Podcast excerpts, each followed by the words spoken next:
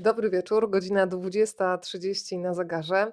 Powiem Państwu, że jeżeli chodzi o moje uzależnienia, to jestem uzależniona od mądrych kobiet i mądrych książek. E, Więc dzisiaj występuję trochę w roli takiej dealerki mądrych książek. Highland w centrum zainteresowania i dwie fantastyczne kobiety, które z przyjemnością Państwu już teraz e, przedstawiam.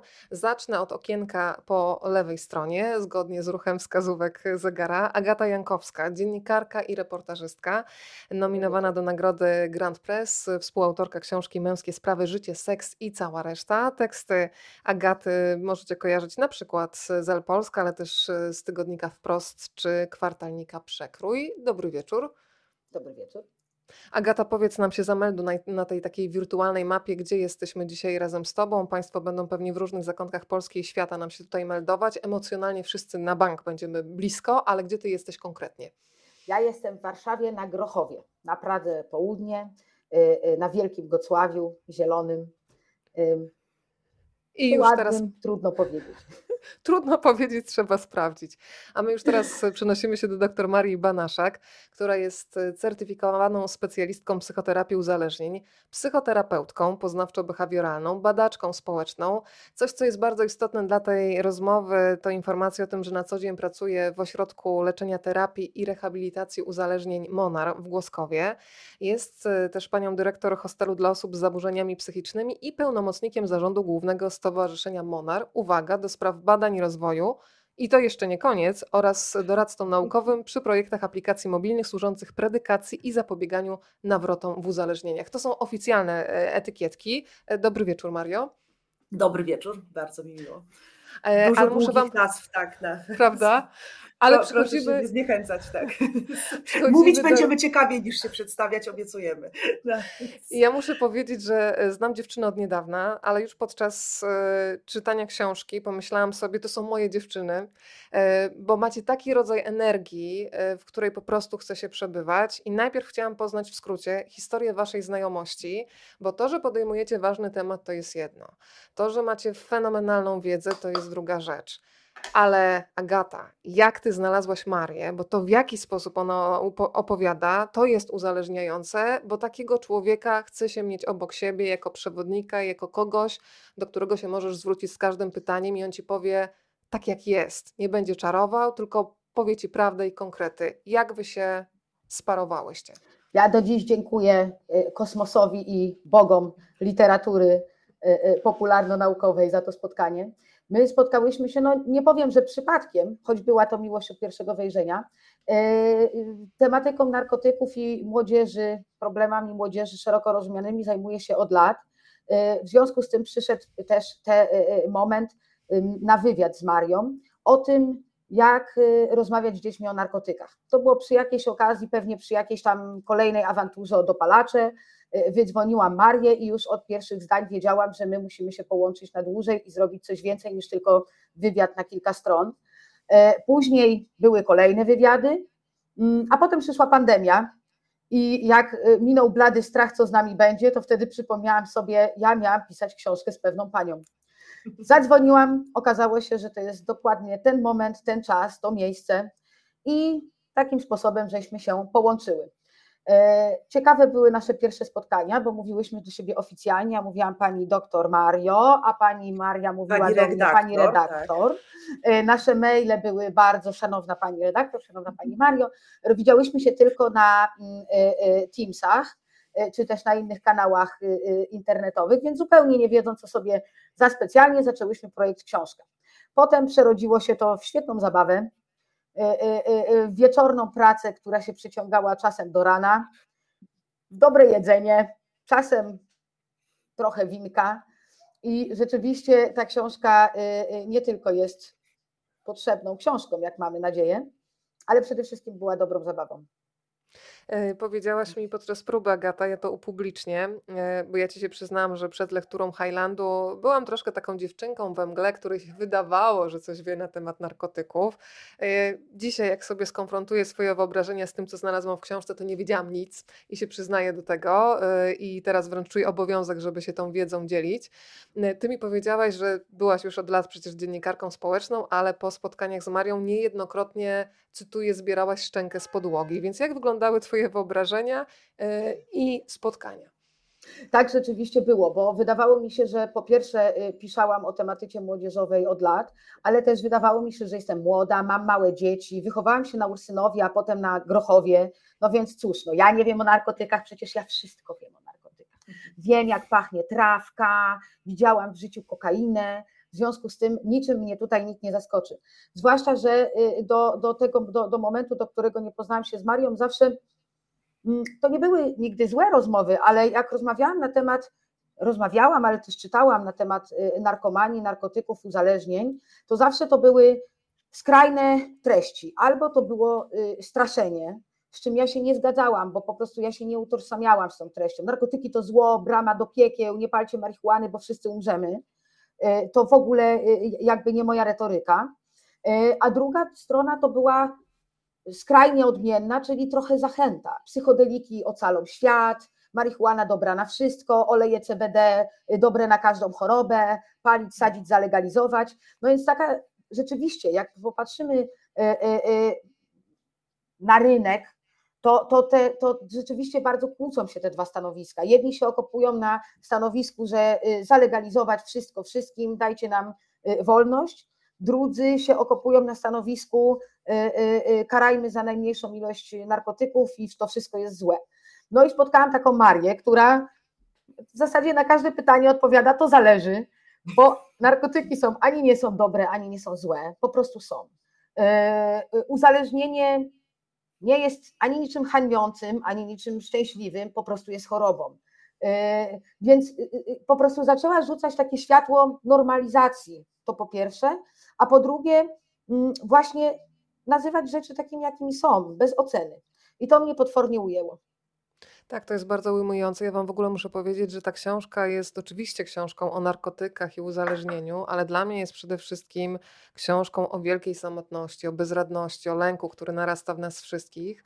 E, I Maria mówisz bardzo ważną rzecz. Mówienie, że narkotyki są złe, straszenie skutkami narkomanii nie działa. Trzeba nauczyć ludzi rozmawiać o emocjach. I powiem Wam, że dla mnie najbardziej przejmujące momenty Waszej książki to są momenty o takiej przemocy, której jesteśmy świadkami, albo y, której jesteśmy nawet sprawcami, takiej przemocy w białych rękawiczkach, no, tak, wynikającej nawet y, nie ze złych intencji, tylko z tego, że my nie wiemy, że czasami na przykład wspieranie kogoś w naszej głowie może się przerodzić w wywieranie presji. Powiedz Maria, o co dokładnie chodzi? Tam jest cudowny przykład na temat tego, że rodzice zamiast wspierać czasami uważają, że jak powiedzą dziecku, co ma czuć, no to już będzie sprawa rozwiązana. Ale jak można komuś powiedzieć, co ma czuć, nie?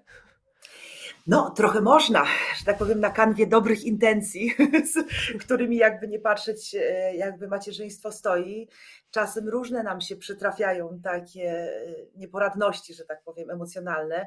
E, I tylko żeby nie było, dokładnie tak jak Agata mówimy, w, jakby w żadnym miejscu tej książki nie chcemy tutaj, nie, nie wiem, nie szukamy winnych, nie, nie oskarżamy. E, naprawdę rozumiemy, że macierzyństwo to jest potwornie trudny kawałek chleba i to nie o to chodzi, żeby rodzicom wyrzucić, że coś robią źle, natomiast chciałyśmy jakby faktycznie zwrócić taką uwagę na to, że czasem można, no właśnie, z tej dobrej woli, z tego, że chcemy naprawdę dla naszego dziecka wszystko najlepiej jak chcemy, tak? Na, mamy jakąś wizję tego, jak wyglądać powinno szczęśliwe życie. E, no właśnie, tylko że mamy jakąś wizję i czasem w tym, w tym jakby w tym worku dobrych intencji niekoniecznie jakby jesteśmy w stanie dostrzec prawdziwe potrzeby naszych dzieci. Tak bardzo chcemy im narzucić jakby to, co, e, że jeśli będą robić tak, tak, tak, a przede wszystkim jeśli będą nam wdzięczne, jeśli będą doceniać nasze starania i to, że chcemy, żeby się, nie wiem, fantastycznie uczyły, uczestniczyły w 17 różnych kursach, to, że w tym wszystkim możemy faktycznie jakby nie usłyszeć, czego one naprawdę potrzebują i może niekoniecznie potrzebują, żebyśmy właśnie pracowali na trzeci etat, lat, bo tylko dzięki temu opłacimy ich najlepsze studia, tylko może one potrzebują nas na przykład dzisiaj w domu, albo może mają jakiś taki dość trudny kawałek emocjonalny, jakiś przeżyć swoich rówieśniczych, którym chciałyby się podzielić, e, a na którym nawet jakby trudno nam jest się nad nim zatrzymać, bo, bo pędzimy z jakąś, no właśnie, swoją dobrą wolą e, e, planów no, na projekt dziecko, bo tak naprawdę od tego tematu, jakby od tego rozdziału zaczynamy w ogóle całą naszą rozmowę. Właśnie o projekcie, dokładnie tak, ale też o tym, że e, No właśnie, często, często na przykład w dobrej woli próbujemy pocieszać e, nie tylko nasze dzieci, bo to w ogóle jest, tak. to jest przecież o relacjach. E, zaczynamy od, od tej relacji, jakby rodzić dziecko, ale to samo robimy również z naszymi przyjaciółmi, z naszymi partnerami, partnerkami. Na przykład, gdy ktoś mówi, że się czegoś boi, że coś jest dla niego trudne, że z czymś sobie nie daje rady, to mówimy mu, nie, nie, nie Nieprawda, dasz sobie radę. Świetnie sobie dasz radę. Ja to wiem, w ogóle dajże spokój, w ogóle nawet nie wymyślaj. Wszystkie egzaminy zdajesz fantastycznie i dlaczego się w ogóle stresujesz tym egzaminem?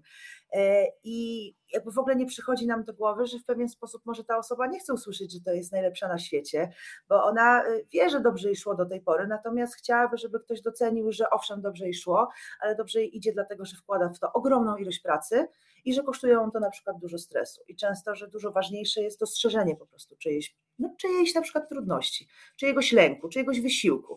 Jeśli ktoś czasem mówi, boję się, nie wiem jak to będzie, to, to powiedzieć, słyszę to, co do mnie mówisz. Jakby słyszę, słyszę, że mówisz, że jest to dla ciebie trudne i jakby przyjmuję to. Yy, I to jest wbrew pozorom bardzo rzadko my mamy taki, taki w ogóle, czujemy się w potrzebie znaczy, czujemy się w obowiązku dawać ludziom, jeśli słyszymy na przykład, że deklarują jakąś trudność. Mówię, mówię ludziom, bo to naprawdę naszy, naszym dzieciom, ale nie tylko, dawać dobre rady i gotowe rozwiązania. Ale ludzie niekoniecznie zawsze chcą od nas dobrych rad i rozwiązań. Nie chcą usłyszeć, co mają zrobić i jak się tym bardziej powinni czuć, że na przykład nie powinni się przejmować, tylko po prostu, no właśnie, chcą pobyć w relacji z drugim człowiekiem, który jest w stanie dostrzec ich, e, ich emocje, na przykład ich trudność w danym momencie. Tak, ta przestrzeń do wysłuchania jest y, bardzo, bardzo istotna. Y, ja w zasadzie zdałam sobie sprawę mm, po przeczytaniu Waszej książki, że za każdym rodzajem uzależnienia stoją różne takie nasze dziury emocjonalne, które czasami desperacko e, chcemy jakoś załatać, ale nie wiemy jak, więc e, sięgamy po sposoby, które potem okazują się jakąś taką równią e, pochyłą. Natomiast Agata, ty napisałaś reportaż. Reportaż o tym, jak młodzież zachowuje się po szkole. E, i w jakiego rodzaju używki się rzuca. I kiedy oddałaś tekst redakcji, to podobno usłyszałaś, że to nieprawda. E, I co było tak, dalej? Bo pokazuje było. mechanizm zaprzeczeń. Już mówię, y, y, y, opowiem, opowiem tą historię. Rzeczywiście to był tygodnik wprost, a reportaż dlatego był gorący, bo to było tuż po tym, jak raper Mata, pewnie dziś już wszystkim znany, wypuścił swoją pierwszą, y, pierwszy numer pod tytułem Patointeligencja. I wtedy cała nasza, mm, właściwie całe społeczeństwo zatrzęsło się w posadach, y, bo dzieci ćpają. Odkrycie numer jeden. Ćpają dzieci z dobrych domów. Odkrycie numer dwa. Ćpają dzieci te, które mają na ogół czerwone paski i na dodatek popełniają samobójstwa i wcale nie cieszą się z tego, że mają dwie wille z basenem i oleandry na balkonie. E, rzeczywiście ta dyskusja się przetoczyła przez media. Mm, ja postanowiłam, mając w pamięci swoje imprezy, znowu trochę mnie e, e, tu własna, własna buta dopadła. Myślę sobie, cóż innego dzieciaki mogą robić dziś na imprezach, czego nie robiliśmy my. I rzeczywiście, mając koleżanki, które, które są matkami nastolatków, wkręciłam się, mówiąc młodzieżowo, na taką imprezkę. E, dzieciaków z dobrych, zamożnych domów, z takiej rzeczywiście już elity śmietanki warszawskiej, czyli no to było rzeczywiście e, e, różnica między nami a, a tą imprezą numer jeden była taka, że to był szklany penthouse w centrum Warszawy na milionowym piętrze z panoramą na miasto. Właściwie to była młodzież jak każda, więc tutaj znowu absolutnie nie chciałam oceniać, ale rzeczywiście alko się lał po prostu strumieniami, i wszystkie możliwe narkotyki, jakie mogły się pojawić, pojawiły się na tej imprezie. E, rzeczywiście rozmawiałam z tymi, no nie chcę powiedzieć dzieciakami, z młodymi ludźmi, którzy byli rzecz jasna bardzo sympatyczni. Kierowało, jakby te same emocje na imprezie były, które towarzyszyły nam, czyli zabawa, impreza, muzyka, tańce. Ale y, y, y, rzeczywiście opisałam to wszystko. No i na kolegium redakcyjnym rozwikłały się właściwie nawet mini awanturka bo szefowa działu czy mnie słychać? Bo słychać cię, słychać. Jesteś, słychać? teraz, teraz tak. dostałaś tutaj pełnię ekranu dla ciebie. A, no właśnie, tak, rzeczywiście tak. się stało i to mnie zaskoczyło, przepraszam. Szefowa działu mówi, że to niemożliwe, tak się nie dzieje, to, to, to, to się nie dzieje naprawdę. Dzieciaki aż tak po bandzie nie idą. No cóż, musiałam się bronić. Rzeczywiście wynikła z tego dyskusja na całą redakcję, no ale to też pokazuje, że my wszyscy stosujemy jakiś filtr i mechanizm wyparcia. I to, że raper nam zaśpiewa o rzeczywistości swojej i rówieśników, dla jednych będzie normalne, a wielu powie, to niemożliwe, to tylko twórczość autorki czy, czy muzyka, mm, to tylko wyobraźnia. Tym bardziej się przekonałam, że trzeba ten temat ruszyć, no bo to nie jest dobre, że my rodzice, czy też my nauczyciele, czy też my ludzie, obywatele, nie wiemy e, nic albo bardzo niewiele o tak ważnym wątku, jakim są uzależnienia, jakim są narkotyki i, i, i, i dzisiejsze substancje. Czyli jednym słowem nie wiemy, co grozi naszym dzieciom i nie wiemy, co grozi również nam. To porozmawiajmy teraz trochę o tych różnych mechanizmach zaprzeczenia. Maria, ty pokadajesz bardzo dużo przykładów. Y, mówisz na przykład o pacjencie, który ma lat 19, trafia do Was, do ośrodka Monaru, jest mocno uzależniony, rodzice dopiero się orientują. Jak długo można nie widzieć problemu? Och, rodzic można bardzo długo nie widzieć problemu, ale i to znowu nie jest kwestia złej woli. E, po pierwsze uzależnienie, znaczy uzależnienie, w ogóle sam fakt, że nasze dzieci zaczynają widzieć jakąś stronę, która jest ryzykowna, która jest gdzieś tam, no nazwijmy już tak bardzo ogólnie i delikatnie niekonstruktywna, jest zawsze troszkę ciosem w naszego. Zawsze jest trochę taką też informacją, znaczy nawet nie tyle informacją, co takim przyczynkiem do myślenia, czy zrobiłem coś źle, czy popełniłem gdzieś błąd, e, co nie zadziałało, że no właśnie, że moje dziecko, przecież któremu wszystko jak najlepiej i zawsze z całego serca. I w takich momentach, w których mamy taką troszkę rozbieżność, rozbieżność między tym, jak chcemy się widzieć, e, a jak okazuje się nasza rzeczywistość jakby wyglądać, włączają się różne mechanizmy psychologiczne, stare, znane jak świat, które łagodzą nam te dysonanse. Na przykład właśnie stare dobre wyparcie, stare dobre wyparcie, które powoduje, że te rzeczy, które nam nie pasują do wizerunku nas jako najlepszych rodziców i naszych dzieci, jako szczęśliwych, rozwijających się, idących w jak najlepszą stronę i po prostu tylko zajmujących się pasjami i edukacją, e, powoduje, że troszkę to wypieramy, że nie jakby, że w różny sposób szukamy różnych wytłumaczeń w głowie, bo to jest też tak, że to nie zawsze jest zaprzeczanie, ale to też jest jakby szukanie różnych innych, tysiąca powodów, dla których może się dziać to, co inna, a nie innego. Przesadzam, wydawało mi się, jak już się nie da wypierać i nie da się szukać e, wytłumaczeń, to wtedy też e, przychodzi na przykład szukanie też winnych.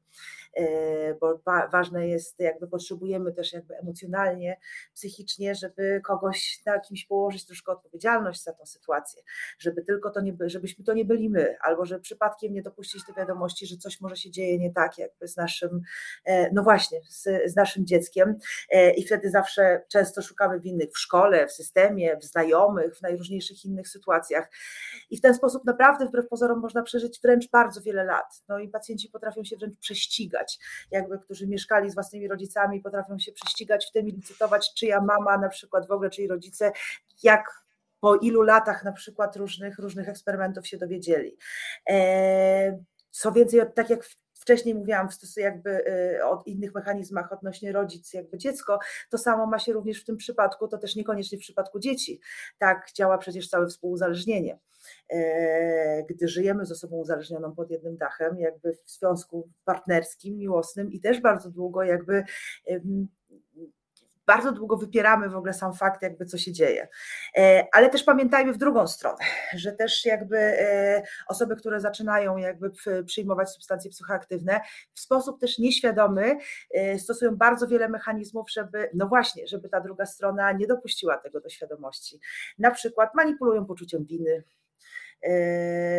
robią różne, różne zagrywki, stosują takie, żeby właśnie rodzice, no właśnie, żeby rodzice nie, nie podejrzewali, że coś jest nie tak, a gdy zaczynają podejrzewać, yy, to są oskarżani o to, że się czupiają, że przecież te dzieci tak strasznie się wysilają, nie wiem, mają rok potwornie ciężkich przygotowań do matury i stresu, yy, a ta mama się tylko czepia i w ogóle co ona chce od niego i że nie potrafi mieć dla niego żadnego zrozumienia. Więc to jakby działa cały szereg mechanizmów, które powoduje, że dość, dość długo nam zajmuje, zanim realnie emocjonalnie skonfrontujemy się z tą rzeczywistością, bo to jest bolesne. To zawsze jest ten proces, jest nieprzyjemny emocjonalnie. E, no właśnie, więc jakby siłą rzeczy psychologicznie odciągamy go w czasie, jak najdłużej się da. Aż często do takich momentów, kiedy, no właśnie, kiedy się na przykład okazuje, że ktoś nam bliski, jak na przykład nasze dziecko, ląduje w szpitalu z powodu zatrucia. To są skraj, znaczy można powiedzieć, że z jednej strony, że skrajnie brzmiące sytuacje, a z drugiej strony proszę uwierzyć z mojej praktyki klinicznej naprawdę no niemalże codziennie.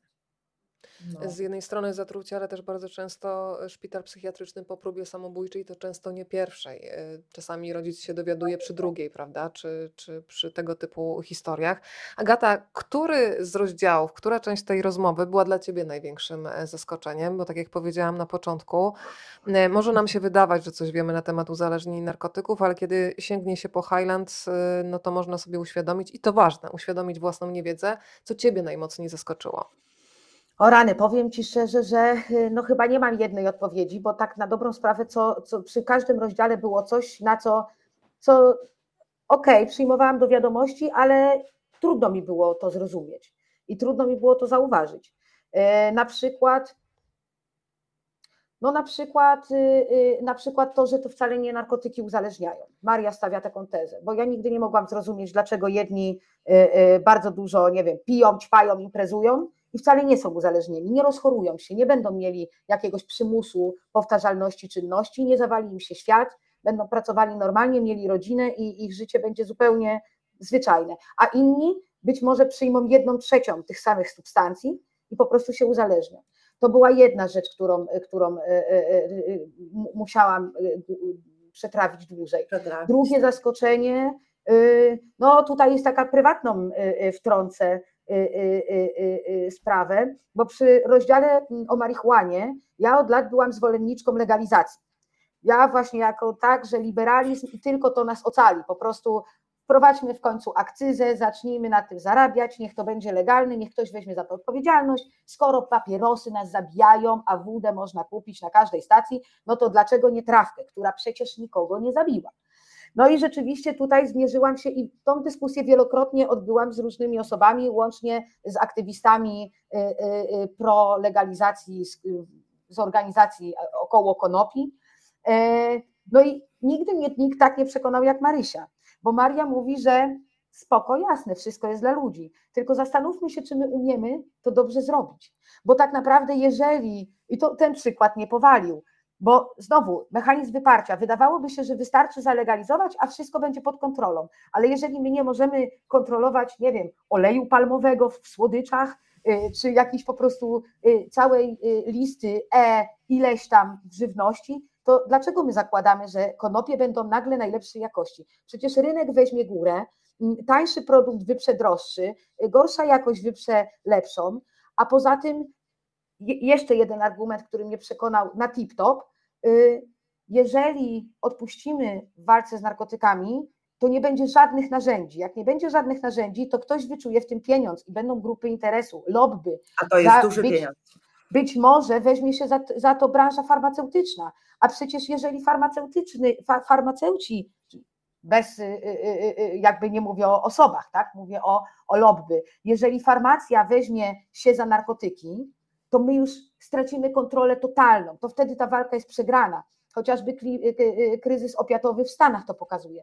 No i pierwszy raz rzeczywiście pomyślałam sobie trochę bardziej krytycznie o legalizacji czy my rzeczywiście jesteśmy ją gotowi dobrze zrobić, czy my rzeczywiście umiemy to zrobić. Okazuje się, że w takiej Holandii to wcale nie jest takie różowe, tak? bo zawsze dajemy przykład Amsterdamu, Maria mówi super, super, fajnie, pięknie, tylko że w Amsterdamie 70 ileś tam procent jednak jest z czarnego rynku, bo nikogo nie, nie stać na hologramy, akcyzy, atesty, po prostu sorry, tak? Na, na, przy, pod przykrywką jakieś tam krzaki posadzą, kto się przebada, ale cała reszta idzie tylnymi drzwiami i dobrze, okej, okay, może się zmniejszyła y, liczba wypadków samochodowych po spożyciu alkoholu, ale zwiększyła się liczba wypadków po spożyciu marihuany. W związku z tym rzeczywiście nie wycofuje się wcale ze swojej wieloletniej e, tezy, że e, legalizacja by rozwiązała wiele problemów, czy też depenalizacja, ale rzeczywiście, y, jeżeli chcemy podjąć ten temat, to musimy to zrobić bardzo, bardzo ostrożnie, poważnie i rzeczywiście y, znowu odrzeć siebie oraz jakby cały temat ze złudzeń, tak? Tak, e, Maria mówi między innymi o tym, że najnowsze badania pokazują, że w miejscach, gdzie całkowicie zalegalizowano marihuanę, na przykład w stanie Colorado w Stanach, i tak 80% towaru pochodzi z czarnego rynku. E, po prostu koszty uprawy legalnej trawki i handlu nią w związku z koniecznością prowadzenia tych badań, o których wspominałyście, kontroli Ale jakości też czy opłacenia właśnie cała licencji. certyfikacja. Tak, Tak. tak, licencjonowanie tego, tego produktu jest po prostu y, nieopłacalne. Tak To dziewczyny, to skupmy się na marihuanie. Zacznijmy od y, konkretów. Rozbijacie ten mit, y, który słyszy się z każdej strony. A, marihuana, trawka, niewinna, nie uzależnia. Otóż uzależnia i nikt inny tego nie wie lepiej od Marii, która na co dzień pracuje z ludźmi, e, którzy odczuwają na własnej skórze boleśnie mm, skutki wieloletniego. Chciałam powiedzieć zabawy z trawką, no właśnie, ale to nie jest zabawa. E, powiem Ci, że y, taki krótki dialog do mnie bardzo mocno e, przemówił, taki gorzki żark, co u Ciebie, to samo co jutro. Do czego prowadzi takie wieloletnie używanie marihuany? No właśnie, bo znowuż ja nie jestem e, straszakiem teraz na marihuanę i nie, e, nie, nie walczę jakby z, z, z, z jakby w- i na pewno już nie straszę. Natomiast e, bardzo mi zależy i myślę, że w ogóle to jest jeden z celów książki, e, żeby rozprawić się z różnymi mitami, w tym też z takim mitem, e, no właśnie, że marihuana że nie uzależnia albo że marihuana jest zupełnie bezpieczna. Owszem, jej potencjał uzależniający w porównaniu do potencjału innych substancji jest dużo niższy. To znaczy, że można sobie pozwolić na wypalenie większej ilości, e, dużo dłużej można ją używać, zanim zaczniemy odczuwać jakby faktycznie jakieś e, no, skutki jakby uzależnienia. E, Poza tym ona też nie uzależnia fizycznie, e, co oznacza, że nie widzimy spektakularnie zaraz tych, tych takich objawów pod tytułem syndrom odstawienny, tak? jakieś, jakieś jakby mm, dolegliwości jakby ze strony w, takie somatyczne po prostu. E, Natomiast paradoksalnie właśnie dlatego jest taka niebezpieczna, właśnie dlatego jest taka niebezpieczna, że ta granica jest bardzo cienka. E, Bardzo trudno jest określić moment. Ona jest niebezpieczna właśnie dlatego, że jest tak niepozorna i że się w ogóle z tym niebezpieczeństwem nie kojarzy. E, My nawet w stosunku do alkoholu mamy już taką świadomość, że to jest narkotyk, że to jest narkotyk poważnie uzależniający. Wszyscy wiemy, jak wygląda alkoholizm i jaki potrafi być no, potwornie po prostu, jakim cierpieniem potrafi być. E, Natomiast tak naprawdę e, z marihuaną to następuje małymi kroczkami. Wszystko jeszcze następuje pod taką otoczką e, walki o wolność, tak? Sztandaru po prostu walki o naturę i, i, i w ogóle o wszystko, co najlepsze na świecie.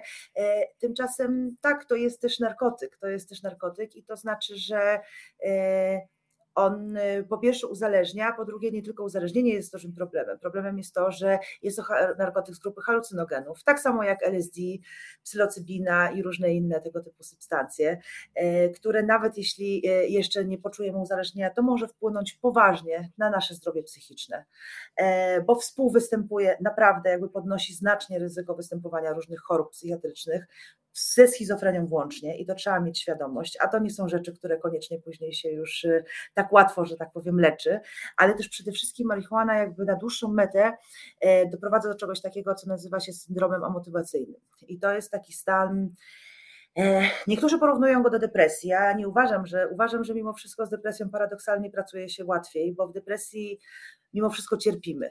E, Jak mamy cierpienie, jeśli pacjent cierpi, to przynajmniej mamy jakiś punkt, od którego możemy się odbić. Bo ty Mamy chcesz z tego tego- cierpienia wyjść, prawda? Tak Dokładnie. boli, że chcesz z tego wyjść. To przynajmniej nawet jeśli jest mi ciężko, nawet jeśli czuję się bezradny, e, to tak, chcę, żeby było lepiej. I jeśli ktoś zaczyna mi pomagać, to jakby z reguły pacjenci podchwytują, jakby chwytają za tą rękę e, i zdają się prowadzić, jakby, żeby się, żeby, no właśnie, żeby jakby dążyć do jakiejś zmiany, dążyć do poprawy komfortu. Natomiast w syndromie amotywacyjnym, o którym mówię, robi się tak najprościej e, rzecz ujmując, wszystko jedno. Jest to strasznie trudny stan i przyznaję szczerze, że to w ogóle jest bardzo też trudna praca taka terapeutyczna, e, bo to jest praca z ludźmi, którymi jest tak. Oni właściwie jakoś się z jakiegoś powodu znaleźli w tej terapii, bo życie ich z jakiegoś powodu przy, jakby tutaj przywiało, bo to rzadko jest też jakby samodzielna decyzja, ale właściwie za bardzo trochę, trochę nie wiedzą po co. Trochę by porozmawiali o różnych swoich smutkach i cierpieniach, ale ale też właściwie po co, właściwie też do końca nie wiedzą, jak zacząć. E, To jest w ogóle, to są często historie potwornie zmarnowanych materia- e, jakby potencjałów ludzkich. E, To śmieszne, bo marihuana kojarzy się, no właśnie, kulturowo kojarzy się z inteligencją, z kreatywnością, z twórczością, rozluźnieniem, ale też przede wszystkim właśnie e, to nie jest substancja typu, nie wiem, butapren czy inne w ogóle, która się kojarzy już y, z absolutnie właśnie drugim końcem takim poznawczym, na przykład i biedą, e, co wręcz właśnie z takimi środowiskami, które no właśnie są super inteligentne i, i, i potrafią jakby no właśnie, dążą do rozwoju, a niestety nic bardziej mylnego. Z reguły na dłuższą metę e, marihuana powoduje osiadanie na laurach. Właśnie powoduje to, że, że to dzisiaj, wczoraj i jutro robi się trochę takie same. I że na przykład wyzwaniem na dzisiejszy, znaczy na aktualny tydzień to jest e, wyprawa na pocztę do której zbieram się od dwóch dni. Tak, tak trzeba zmobilizować jest. wszystkie siły, żeby wyjść nie? i załatwić jedną no rzecz. Pierwszy problem, bo często jak są, jak, często kiedy te substancje są dużo bardziej groźne w takim sensie, że te skutki są dużo szybsze, mocniejsze, bardziej takie spektakularne, chociażby w tych fizycznych objawach, e, to przynajmniej nie pozostawia wątpliwości, że jest z tym jakieś ryzyko w zażywaniu ich, tak? Że nie pozostawia wątpliwości, że jeśli będę tak dalej robił, to bardzo możliwe, że się właśnie wpakuję w uzależnienie albo zrobię sobie jakąś krzywdę. A marihuana jest nieprawdopodobnie niepozorna, a myślę, że mm, no właśnie, żeby nie było, ja nie jestem przeciwniczką legalizacji, ale naprawdę uważam, że to wcale nie jest takie proste, jak nam się wydaje. E, i że takie oczywiste są jakby konsekwencje, jak nam się wydaje, bo też pamiętajmy, trochę mówiliśmy o racjonalizacjach i różnych mechanizmach wcześniej. E, i pamiętajmy, że właśnie, no właśnie, fakt, że coś nam się wydaje, że coś jest legalne, dopuszczalne, e, bardzo nam ładnie też jakby usprawiedliwia fakt, że po to sięgamy i trochę jakby przez to mamy w tej chwili tak nieprawdopodobny problem z y, ćpaniem, bo to trzeba nazwać ćpaniem leków. My już w tej chwili leki nie bierzemy, tylko przyjmujemy je po prostu naprawdę na potęgę. Y, I tu mówię tu o najróżniejszych grupach społecznych, bo to są młodzi ludzie, ale to są też właśnie eleganckie, ambitne panie, takie jak my trzy tutaj siedzące i pewnie wiele z naszych koleżanek, czy w, no właśnie, czy na przykład starsze osoby. Y, I to się w dużej mierze odbywa właśnie na takim Y, na tym argumencie, że skoro legalne, skoro przepisywane przez lekarza, skoro y, dostępne, no to jakże niebezpieczne. No to nie, przecież, to, przecież to nie jakaś heroina czy jakaś inna straszna rzecz. Agata, czy ty, Agata, czy ty wiedziałaś na przykład o dzieciach mrówkach, co się kryje za no tym właśnie, hasłem? to jest y, kolejny raz, kiedy zbierałam szczękę z podłogi, bo wprawdzie wiedziałam, że moi koledzy ze studiów pili tu sipek, i na tym się moja wiedza kończyła, bo my jak byliśmy dzieciakami, to ja znałam polopirynę i ewentualnie syrop na kaszel albo krople na ból brzucha. I amol. E, I amol, tak jest. Więc y, rzeczywiście dzieci mrówki mnie rozwaliły na łopatki, ale również to, że, ale jeszcze bardziej chyba, to, że kobiety takie jak my, y, młode, ale nie tylko młode, matki, pracujące dziewczyny, wykształcone, mają kłopot z uzależnieniem od leków y, na receptę. I wyobraźcie sobie, że jak się dowiedziałam o tym, to akurat było w okolicach Wielkanocy i tam był lockdown, więc ja ze swoimi koleżankami, z którymi co roku się spotykamy, zawsze z różnych okazji, zorganizowałyśmy sobie y, przysłowiowego śledzika na y, online. I było nas chyba, nie wiem, 12 dziewczyn, opowiedziałam im tą historię, że dziewczyny, słuchajcie, wiecie, że zażywa się leki nasenne, przeciwbólowe, y, y, y, uspokajające. No i okazało się, że na 12 moich bliskich koleżanek 7 regularnie zażywa takie leki. Pewnie jeszcze nie mają problemu, pewnie mam nadzieję, że nigdy go nie będą miały, ale znowu to była prawda dla mnie niebywała, bo my na co dzień o tym nie rozmawiałyśmy. Okazuje się, że dziewczyny mają recepty na silne leki uspokajające, usypiające i że wystarczy, że na drugi dzień rano mają wystąpienie, kolegium, y, y, czy miały ciężką noc przy niemowlaku, który płakał, po prostu biorą sobie taki, tak, ta, taki proszek i lepiej im się śpi, lepiej im się wypoczywa, a ostatecznie lepiej im się żyje. I to mi uświadomiło, y, a te, które nie biorą leków na receptę, biorą inne, na przykład olejek OCB, w każdym razie, że ten temat snu, wypoczynku, kobiety i relaksu, czy też e, wyciszenia jest obecny i jest bardzo silny. W związku z tym znowu zdałam sobie sprawę, że jest coś, o czym nie miałam pojęcia, a co dotyczy absolutnie mnie i moich koleżanek, mo, mo, mojego otoczenia. Jest też taki fragment, kiedy ty mówisz, że nie wiesz, czy masz się śmiać, czy płakać, kiedy Maria ci mówi o tym, że zdarzają się kobiety, które sięgają po narkotyki po to, żeby mieć siłę, żeby wypucować dom na błysk. To też pokazuje, w jakiej opresji my żyjemy, bo musi być wypucowana, więc zrobię wszystko, nawet sobie zaszkodzę. Albo żeby schudnąć. Ja, ja to słyszę regularnie, to jest, to jest po prostu niebywałe i cały czas jest mi to jakby, yy, mówię nie, no chyba przesadzam, nie, nie przesadzam. Jakby z każdym tygodniem yy, trafiam na kolejne osoby, które, kobiety, które o tym mówią. Tak, mężczyźni mężczyźni e, częściej sięgają po stymulanty, nie wiem, e, agresywna jazda samochodem, e, pornografia, czy jakieś takie sytuacje, imprezy, czy, czy, czy, czy tego typu historie. Natomiast kobiety naprawdę bardzo często używają leków lub jakby substancji stymulujących właśnie po to, żeby fantastycznie mobilizować się do wykonywania obowiązków domowych i być w stanie je wszystkie połączyć po prostu w, w kilka godzin jednocześnie po prostu na, na siedmiu płaszczyznach. No właśnie, po to, żeby utrzymać szczupłą sylwetkę. E, I oczywiście, żeby to błędne kółko jeszcze też się ładnie nakręcało, to na sam koniec, jak już się tak nakręcą po to, żeby wszystko posprzątać i poćwiczyć, na, e, to przychodzi czas na, no bo przecież trudno zasnąć po czymś takim, to przychodzi znowu czas na leki uspokajające i nasenne. I tak, Państwo pytają jeszcze, przepraszam, żeby nam nie umknęło, bo my wiemy, jakim są dzieci mrówki, bo wy napisałyście, ja przeczytam, ale nie wszyscy są jeszcze, e, nie wszyscy są już po lekturze. E, pani Hania tutaj dopytuje, o co chodzi z tymi e, dziećmi, dzieci mrówki, o co chodzi? Maria. Mamy dwa, bo jeśli chodzi o leki, mamy dwa, dwie grupy tak naprawdę tych substancji.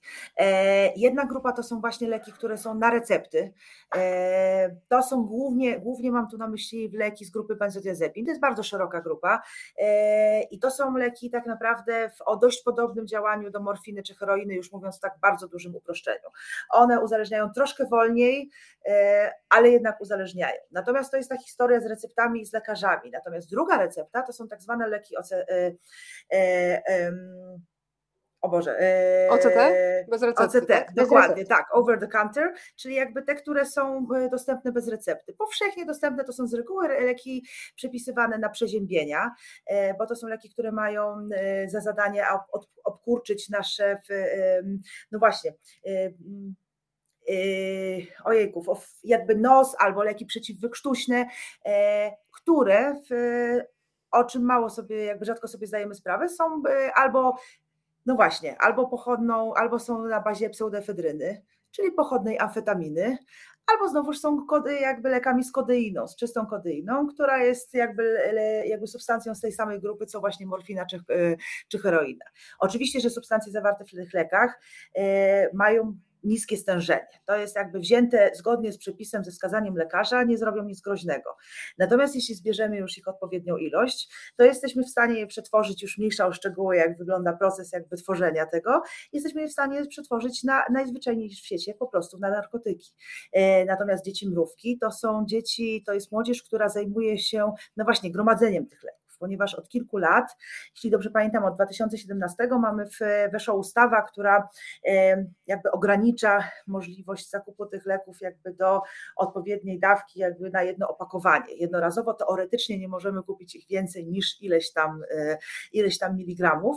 E, natomiast jak wiadomo, na wszystko mamy swoje sposoby jednym z takich sposobów jest właśnie instytucja dzieci mrówek, które mają mapę aptek, i chodzą od apteki do apteki, stąd też te mrówki, bo to są całe szlaki, które się tak naprawdę pokonuje, po to, żeby zebrać odpowiednią ilość substancji, z których można wytworzyć absolutnie legalne ćpanie. I to A jest ja porażające. Ja dlatego zrozumiałam, kiedy ktoś mi kiedyś odmówił w aptece wydania większej ilości, gdzieś jechałam na dłuższy wyjazd na pół roku i byłam zaskoczona, że farmaceuta mi powiedział, ale ja nie mogę pani wydać na przykład czterech opakowań. I ja byłam no zaskoczona, no. teraz już rozumiem i to był mądry farmaceuta, bo mogłam to wykorzystać do niecnych celów ale zdarza i to mi się zdarzyło na własnej skórze. Ja oczywiście też znowuż nie chciałabym tam y, atakować farmaceutów, ale zdarzyło mi się, że ktoś, y, ja też kiedyś właśnie w podobnej analogicznej sytuacji, robiąc zapasy też dla siebie i dla męża, y, poprosiłam o większą ilość i pani powiedziała, że okej, okay, tylko czy może rozłożyć, że musi, uprzedziła mnie, że musi to rozłożyć na kilka paragonów. Więc prawdopodobnie jakbym miała 14 lat i byłabym, nie wiem, w bluzie z kapturem, to może nie wzbudziłabym na przykład y, jakby takiego odruchu, ale to jednak pokazuje, jak jednak cienka jest ta granica z tym trzymaniem się, z tym faktycznie trzymaniem się tego prawa. A żeby nie było, to jest też tak, że te substancje, które są wytwarzane, zwłaszcza z tych leków o pochodnej pseudo, pseudoefedryny, to nawet nie chodzi o samą pseudoefedrynę, ale od czynniki, z którymi one są mieszane, a to też są substancje jakby powszechnie dostępne powodują, potrafią poczynić nieprawdopodobne szkody w centralnym układzie nerwowym.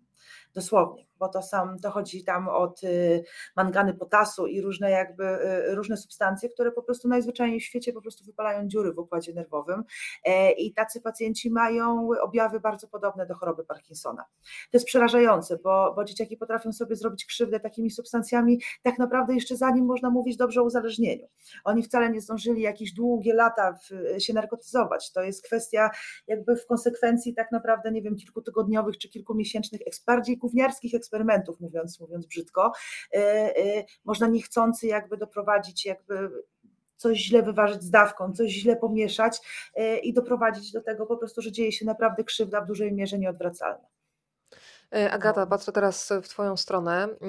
E, miałaś okazję do rozmowy między innymi z Kamilem Nożyńskim, czyli jednym z aktorów, którego Państwo doskonale znają z serialu Ślepnąc od świateł.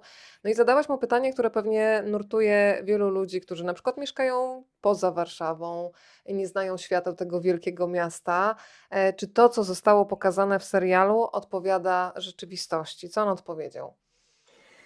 No, Kamil jest reprezentantem rzeczywiście znakomitym, bo oprócz tego, że jest y, aktorem, to jest przede wszystkim być może nawet raperem i y, mieszkał na Ursynowie, mieszka pewnie tam nadal, a y, dla Państwa, którzy, mm, znaczy może to jest subiektywne, bo ja sama wychowałam się na Ursynowie, to była taka dzielnica, jest taka dzielnica, gdzie rzeczywiście tych narkotyków zawsze było więcej niż gdzie indziej.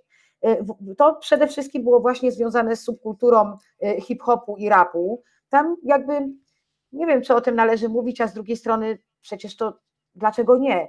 Ja, moja młodość i liceum, jakby wszyscy palili trawkę. Ja naprawdę nie myślałam, że tak nie jest wszędzie.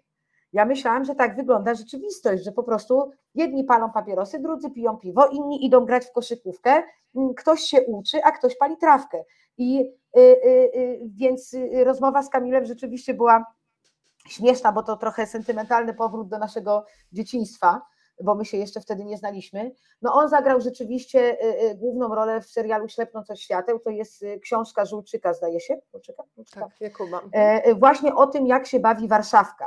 O, trochę na podstawie historii dealera, o dealerze gwiazd, e, trochę o tym, jak się bawi finansjera, jak się bawi polityka. Mm, jest tam troszkę pewnie sfabularyzowanych wątków e, e, sensacji obyczajowych, czyli jest jakiś senator, który się przebiera w sukienki po trzydniowej imprezie, jest jakiś właśnie dealer w BMW, który przyjeżdża do celebrytów i tak dalej, i tak dalej. No cóż, Kamil odpowiedział śmiechem tak naprawdę, bo nie dość, że rzeczywistość z filmu i z książki jest prawdziwa, to jeszcze on naprawdę w tym się wychował. I, i, i, i myślę, że mm, no oczywiście można żyć obok, y, y, w dużych miastach. No, my w Warszawie, ale podejrzewam, że każda metropolia mierzy się z tym tematem. Oczywiście w pewnym wieku, jak się już zostaje rodzicem i raczej się weekendy spędza na działce pieląc ogródek, no to pewnie już to się nie rzuca aż tak bardzo. Ja już tak spędzam weekendy, żeby była jasna. No się uśmiechnęłam się, bo obydwie reprezentujemy ten styl, tak? Ale ta rzeczywistość, więcej. Tak. Tak. Ale ta rzeczywistość jest i rzeczywiście jest, jest ten światek, no właśnie, tylko czego, tak? Czy zabawy, czy, czy właśnie czy samotności, czy deficytów.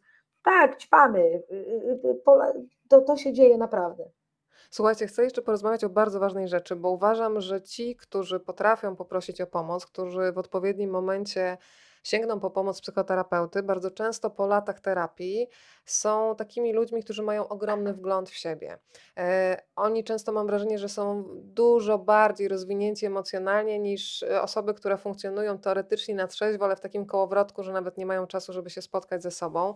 Dzisiaj, za co bardzo dziękuję, oczywiście anonimowo, e, odezwała się do mnie jedna ze słuchaczek, mówiąc, że jest lekarką, że ma doświadczenie lekomanii ze sobą i mm, podziwiam tych wszystkich, którzy walczą z, z tym nałogiem, bo mogę sobie tylko wyobrazić, jak musi być to trudne, to to porozmawiajmy też o tym, bo nam się właśnie wydaje, mm, o tym Maria bardzo często mówisz w wywiadach, że narkotyki, w ogóle też lekomania, że to się bardzo mocno zdemokratyzowało, że my mamy jakieś wyobrażenia właśnie, nie wiem, o narkomanach na dworcu, o ludziach, którzy w ogóle nie mają kontaktu z rzeczywistością, ale problem leków, narkotyków, y, alkoholu to jest coś, co dotyczy Jest. w zasadzie każdego z nas. No, albo jest na wyciągnięcie ręki, albo na wyciągnięcie dwóch ramion, tak bym powiedziała. Y, Wspominasz między innymi o takim przypadku, no właśnie też zaczęłam się nad tym zastanawiać, że tak naprawdę y, problem narkotyków czy lekomanii wśród lekarzy może być bardzo duży, bo oni mają po prostu też do tego dostęp. Ty op- opowiadasz o dyżurze, w którym lekarz y, popadł w tak zwane sen terminalne, o którym w ogóle nie miałam pojęcia, że coś takiego istnieje. Powiedz o co chodzi i czy faktycznie ta branża też sprzyja ze względu na dostęp. Y, Ta branża sprzyja ze, tak naprawdę z dwóch powodów. Po pierwsze, ze względu na dostęp, tak, i przede wszystkim w ogóle wiedzę, wiedzę, którą się też używa do racjonalizacji. Bo pamiętajcie, że jakby y, jedną z większych też takich iluzji już później samego mechanizmu nałogowego y, jest to, że mądrość może mnie przed tym uchronić. Też niestety nic bardziej mylnego.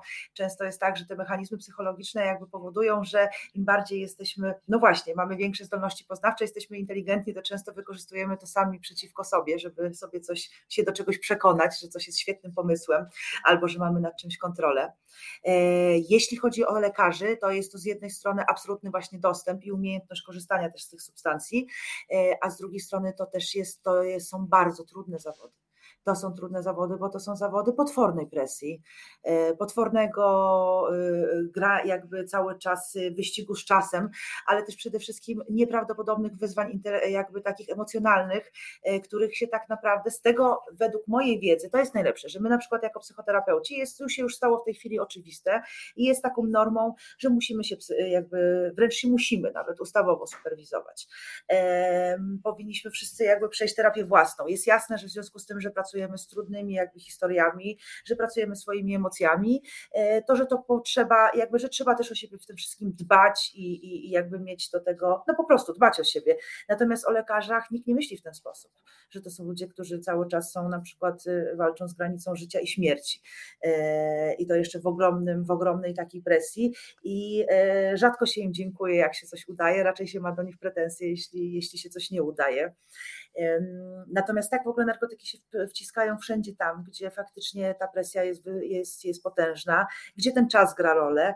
E, Nawet takie zawody, e, na przykład branża cała branża e, gastronomiczna jest taka, i to mówię o takiej wysokiej gastronomii, eleganckiej, e, e, bardzo takiej właśnie drogiej, ekskluzywnej, bo tam, jak chociażby wiemy z różnych programów telewizyjnych, presja czasu jest potworna i w ogóle presja i konkurencja.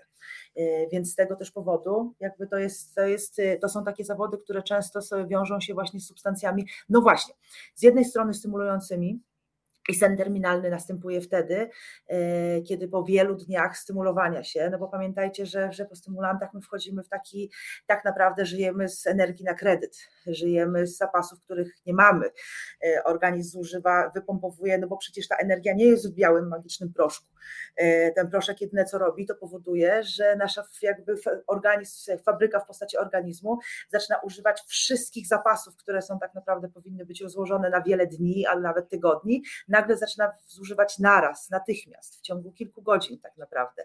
E, I ludzie do- doprowadzają się do stanu wykończenia, e, gdzie często zasypiają i potrafią e, budzić się dopiero po kilku dniach lub przez ten czas na przykład wstają i korzystają z toalety, nie wiem, napiją się wody, czy nawet czasem coś zjedzą i nie mają tego świadomości. To jest dość, dość, dość częsta sytuacja jakby po, po stymulantach. Natomiast z jednej strony właśnie mamy w takich zawodach stymulanty, a z drugiej strony te leki, które są odpowiedzią na no właśnie, na presję, lęk i stres, jakby te wszystkie leki, które działają właśnie przeciwlękowo i uspokajająco. E, I które przede wszystkim można, przepraszam jeszcze, że ci jakby wręcz wejdę w, e, e, w jeszcze niewypowiedziane słowo, których nie widać, których w ogóle nie widać, bo e, buteleczkę e, w torebce na przykład u jakiejś pani czy u kogoś natychmiast się rzuca w oczy. Jeśli tylko brzdęknie, to od razu budzi trochę takie od razu takie spojrzenia politowania, tak, i, i, i lekkich, i lekkich uśmiechów. No woreczek strunowy, no to wiadomo, to już w ogóle oburzenie. A leki? No leki są wszędzie. Wszyscy mamy gdzieś leki, leżą w, na każdym, jakby w, wszędzie gdzieś na jakichś stolikach czy, czy, czy półeczkach i nikt się temu nie dziwi. I można je zupełnie z pełnym przyzwoleniem i z pełną racjonalizacją jakby na bieżąco przyjmować. Dziewczyny, ja jestem bardzo ciekawa. Prze... Tak. Przepraszam, bo tutaj jeden wątek uważam jest y, y, y, jakoś tak wzbudził moją czujność, że pytasz o lekarzy, którzy mają lepszy dostęp ale niech nas to nie zwiedzie, bo leki są powszechnie dostępne. My z Marią nawet testowałyśmy w internecie, są strony internetowe, które do złudzenia przypominają apteki, gdzie można kupić bez recepty dosłownie wszystko i wcale nie drożej niż w aptece, a jeśli drożej, to wcale nie dużo. I ja się nawet zastanawiałam, jak to jest możliwe, gdzie jest policja, przecież to łatwo namierzyć. Nawet rozmawiałam z informatykami, jak się, no okazuje się, że to prawdopodobnie są porejestrowane zagraniczne y, y, y, strony internetowe, których IP w ogóle jest trudne do namierzenia i zanim nasza policja się za to weźmie, to oni się już dawno rozwiążą i zupełnie na innym serwerze że założą coś takiego samego, więc y, to też była dla mnie nowość, że bardzo silne leki, bardzo silnie uzależniające są dostępne absolutnie od ręki, kurier przywiezie ci je do domu y, y, albo do paczkomatu. Więc tutaj nie trzeba lekarza, żeby mieć jakby płynne źródło mm, leków. Druga rzecz, że lekarze też no tutaj znowu nie chcemy winić, to, to tutaj na dłuższą rozmowę, to jest oczywiście w książce, że jakiś taki powstał system, przyzwolenie, że na ogół prywatna służba zdrowia bez mhm. mrugnięcia okiem przepisuje te leki. Nie ma czasu na pochylenie się nad dokładnym wywiadem pacjenta. Y, oczywiście, że powiedzą, że nie może pani dłużej brać niż dwa tygodnie, ale pani pójdzie do drugiego lekarza, w karcie historii choroby jest już ten lek, lekarz przepisze drugi raz, trzeci, piąty, więc tak naprawdę kombinowanie leków to już nie jest to, co było, nie wiem, w latach 90. albo nawet pewnie przed pandemią. Możesz sobie wymyślić e-receptę na online'owej wizycie albo telefonicznej teleporadzie. Możesz skłamać, do, przy, zwłaszcza przy tych lekach, jak Maria zaznacza, psychotropowych czy, y, y, czy właśnie tych uspokajających nie ma żadnych badań, nikt ci nie zrobi morfologii. Ty po prostu możesz powiedzieć, że masz myśli samobójcze i że nie możesz zasnąć od dwóch miesięcy. I to jest podstawa, żeby przepisać taki lek. Więc niestety leki są dostępne bardzo, bardzo powszechnie i bardzo łatwo. A druga rzecz jeszcze to, co y, y, Maria zaznaczyła, że są niepozorne. Jak Maria pokazała mi, jak wygląda, uwaga, pastylki z czystą morfiną wyglądają jak suplementy diety dla kobiet w ciąży. Śliczne, no, różowe, malutkie tak. pastylki. Jeśli ja wiem u swojego syna, może u córki jeszcze bardziej, zauważyła blister różowych tableteczek, a ona by mi powiedziała: Oj, mamusiu, to takie tam suplementy, Przypuszczam, że nawet bym nie zadała pytania, na co te suplementy. Przecież wszyscy na coś bierzemy jakieś suplementy. Jest ich wszędzie mnóstwo i w każdej drogerii mamy po prostu y, y, super suplementy. Nie a to jest czysta morfina. No to znowu, tak? Ja, ja, ja, ja, ja, czym my jesteśmy jakby, no właśnie, w jakiej rzeczywistości y, farmaceutycznej my żyjemy, tak? Jeżeli to jest w takiej formie podane. Dziewczyny, ja Was no, muszę zapytać. Lobby. Tak, tak znowu, lobby, lobby farmaceutyczne, tak, zdecydowanie. Słuchajcie, ale muszę Wam zadać pytanie też o to, czy spotkałyście się z taką sytuacją, myślę zarówno o dorosłych, czyli o korporacjach, zakładach pracy, niech to dumnie zabrzmi, czy szkołach, gdzie temat narkotyków w ogóle jest jakoś przepracowany, że jest jakiś mechanizm, że widzimy, że na przykład jest pracownik, który jest świetny, ale ewidentnie widać, że ma problem i trzeba mu jakoś pomóc, że ktokolwiek z nimi rozmawia i tak samo w szkole, bo mam wrażenie, że temat narkotyków w szkole pojawia się wtedy, kiedy trzeba gasić pożar, bo okazało się, że na przykład dziecko wylądowało w szpitalu po próbie samobójczej, e, po narkotykach i wtedy jest gaszenie pożaru. Czy wcześniej organizuje się rozmowę, ale nie jest policjantem, który przyjdzie i postraszy, tylko zaprasza się na przykład Marię albo zaprasza się podopiecznych ośrodkach, mhm. którzy mają już terapię za sobą i ludzie mają okazję posłuchać konkretnych historii, zobaczyć być może w nich fragmenty swojej rzeczywistości, tak, przestraszyć się i może ten strach też ich zmotywuje do tego, żeby się zająć swoim życiem. Jak jest? Maria. E, paradoksalnie, jeśli się to zdarza, e, to znacznie częściej, o ile w ogóle, to w, w tak zwanych zakładach pracy. Ja na przykład byłam wiele razy zdziwiona, że moi pacjenci opowiadają, że na przykład zostali z, e, że ich szefowie ich e, nie tylko straszyli, ale motywowali. Motywowali, namawiali, mówili, że stary, chcę, chcę żebyś u mnie pracował, pracowała, jest fajnie, ale tak być nie może. Więc jeśli się, więc jeśli się ogarniesz, mogę ci pomóc nawet jakby znaleźć na przykład miejsce, miejsce do leczenia, to wiedz, że możesz do mnie wrócić. I to wręcz było dla mnie, jakby przyznaję, że wiele razy byłam zaskoczona, e, bo okazuje się, że to w, właśnie paradoksalnie wśród pracodawców i też takim trochę czasach, pamiętajmy, kiedy nie tak dobrze o dobrego pracownika, nie tak prosto e, to trochę przestaje być aż takie tabu. Tak samo jak na przykład niektórzy moi podopieczni potrafią mówić zupełnie wprost, później szukając pracy i jakby robiąc z tego zasób, że są po terapii, że właśnie przez to, że są czyści, że są bardziej jakby świadomi, jakby obowiązkowi. Natomiast w szkołach, yy, no i znowuż też nie chcemy tutaj jakby oskarżać poszczególnych ludzi, ale system myślę, że to wymusza. System też takiej konkurencji, rankingów, e, że narkotyki zawsze e, kojarzą się z czymś, e, no właśnie, znaczy z czym szkoły nie chcą mieć, jakby być kojarzone. To są problemy, które się jak najszybciej chce zepchnąć jakby w jak najdalszy ruch. Najlepiej to w ogóle do innej placówki jak najszybciej, albo po prostu jak najskuteczniej udawać, że ich nie ma. I, i przyznaję, że z tym mam dużą trudność, że z tym mam, uważam, że jest, e, e, że jest tego za mało, po prostu, że jest, oczywiście, że to jest też kwestia tego, że ten program jest potwornie przeładowany, e, że jest bardzo mało przestrzeni, a tak naprawdę taka bardzo sensowna edukacja dla dzieci, bo to jest też trochę co innego, jeśli chodzi o dorosłych, to jest praca długoterminowa, to trudno załatwić jednym spotkaniem bo tak jak to nie da się pogadać chwilę i jest jakby sprawa, to wymaga wielogodzinnych, regularnych spotkań. No właśnie, no a w, na to jak zwykle w tych czasach ciągle, ciągle nie mamy czasu, ciągle inne rzeczy, testy, nie wiem, e, i różne inne sprawy są ważniejsze. Także faktycznie ze szkołami jest, uważam, że jest bardzo duża trudność, że się e, śmiesznie, bo wydawałoby się, że wraz z rozwojem lat, tak, XXI wiek to powinien być w ogóle taki temat, no niemalże powszechny, a tu się wydarzyło coś podobnego jak z edukacją seksualną. Im dalej w XXI wiek, tym mam wrażenie, że jest to coraz bardziej zawiatany pod dywan temat i nikt nie udajemy, że w ogóle nie ma najlepiej, że przypadkiem, no właśnie, że przypadkiem nie zrobiło się niewygodnie w tej rozmowie.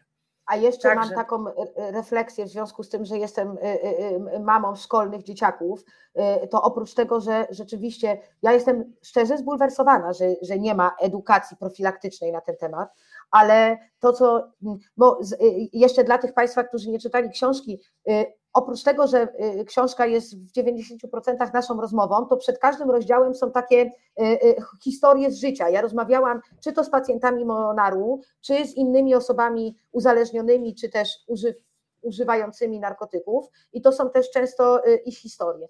I na przykład była historia dziewczyny 18-letniej, która z kolegami, z koleżankami z klasy w gimnazjum postanowili rozpocząć eksperyment, zdaje się, że z mefedronem, e, za którymś razem stracili przytomność, przyjechały karetki, zabrały ich na, na odtrutkę, czy też do, do psychiatrycznego, na psychiatryczny oddział.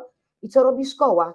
Wyrzuca dzieci ze szkoły i nie ma problemu. Więc raz, że nie ma e, programu, który by e, zajął się profilaktyką, ale dwa, że nie ma żadnych jakichś takich mm, ujednoliconych schematów, co robić, jak się wydarzy. Po prostu w prywatnych szkołach niestety zupełnie, wydaje mi się, że słyszałam dziesiątki takich historii. Rodzice przychodzą i dostają cichy komunikat.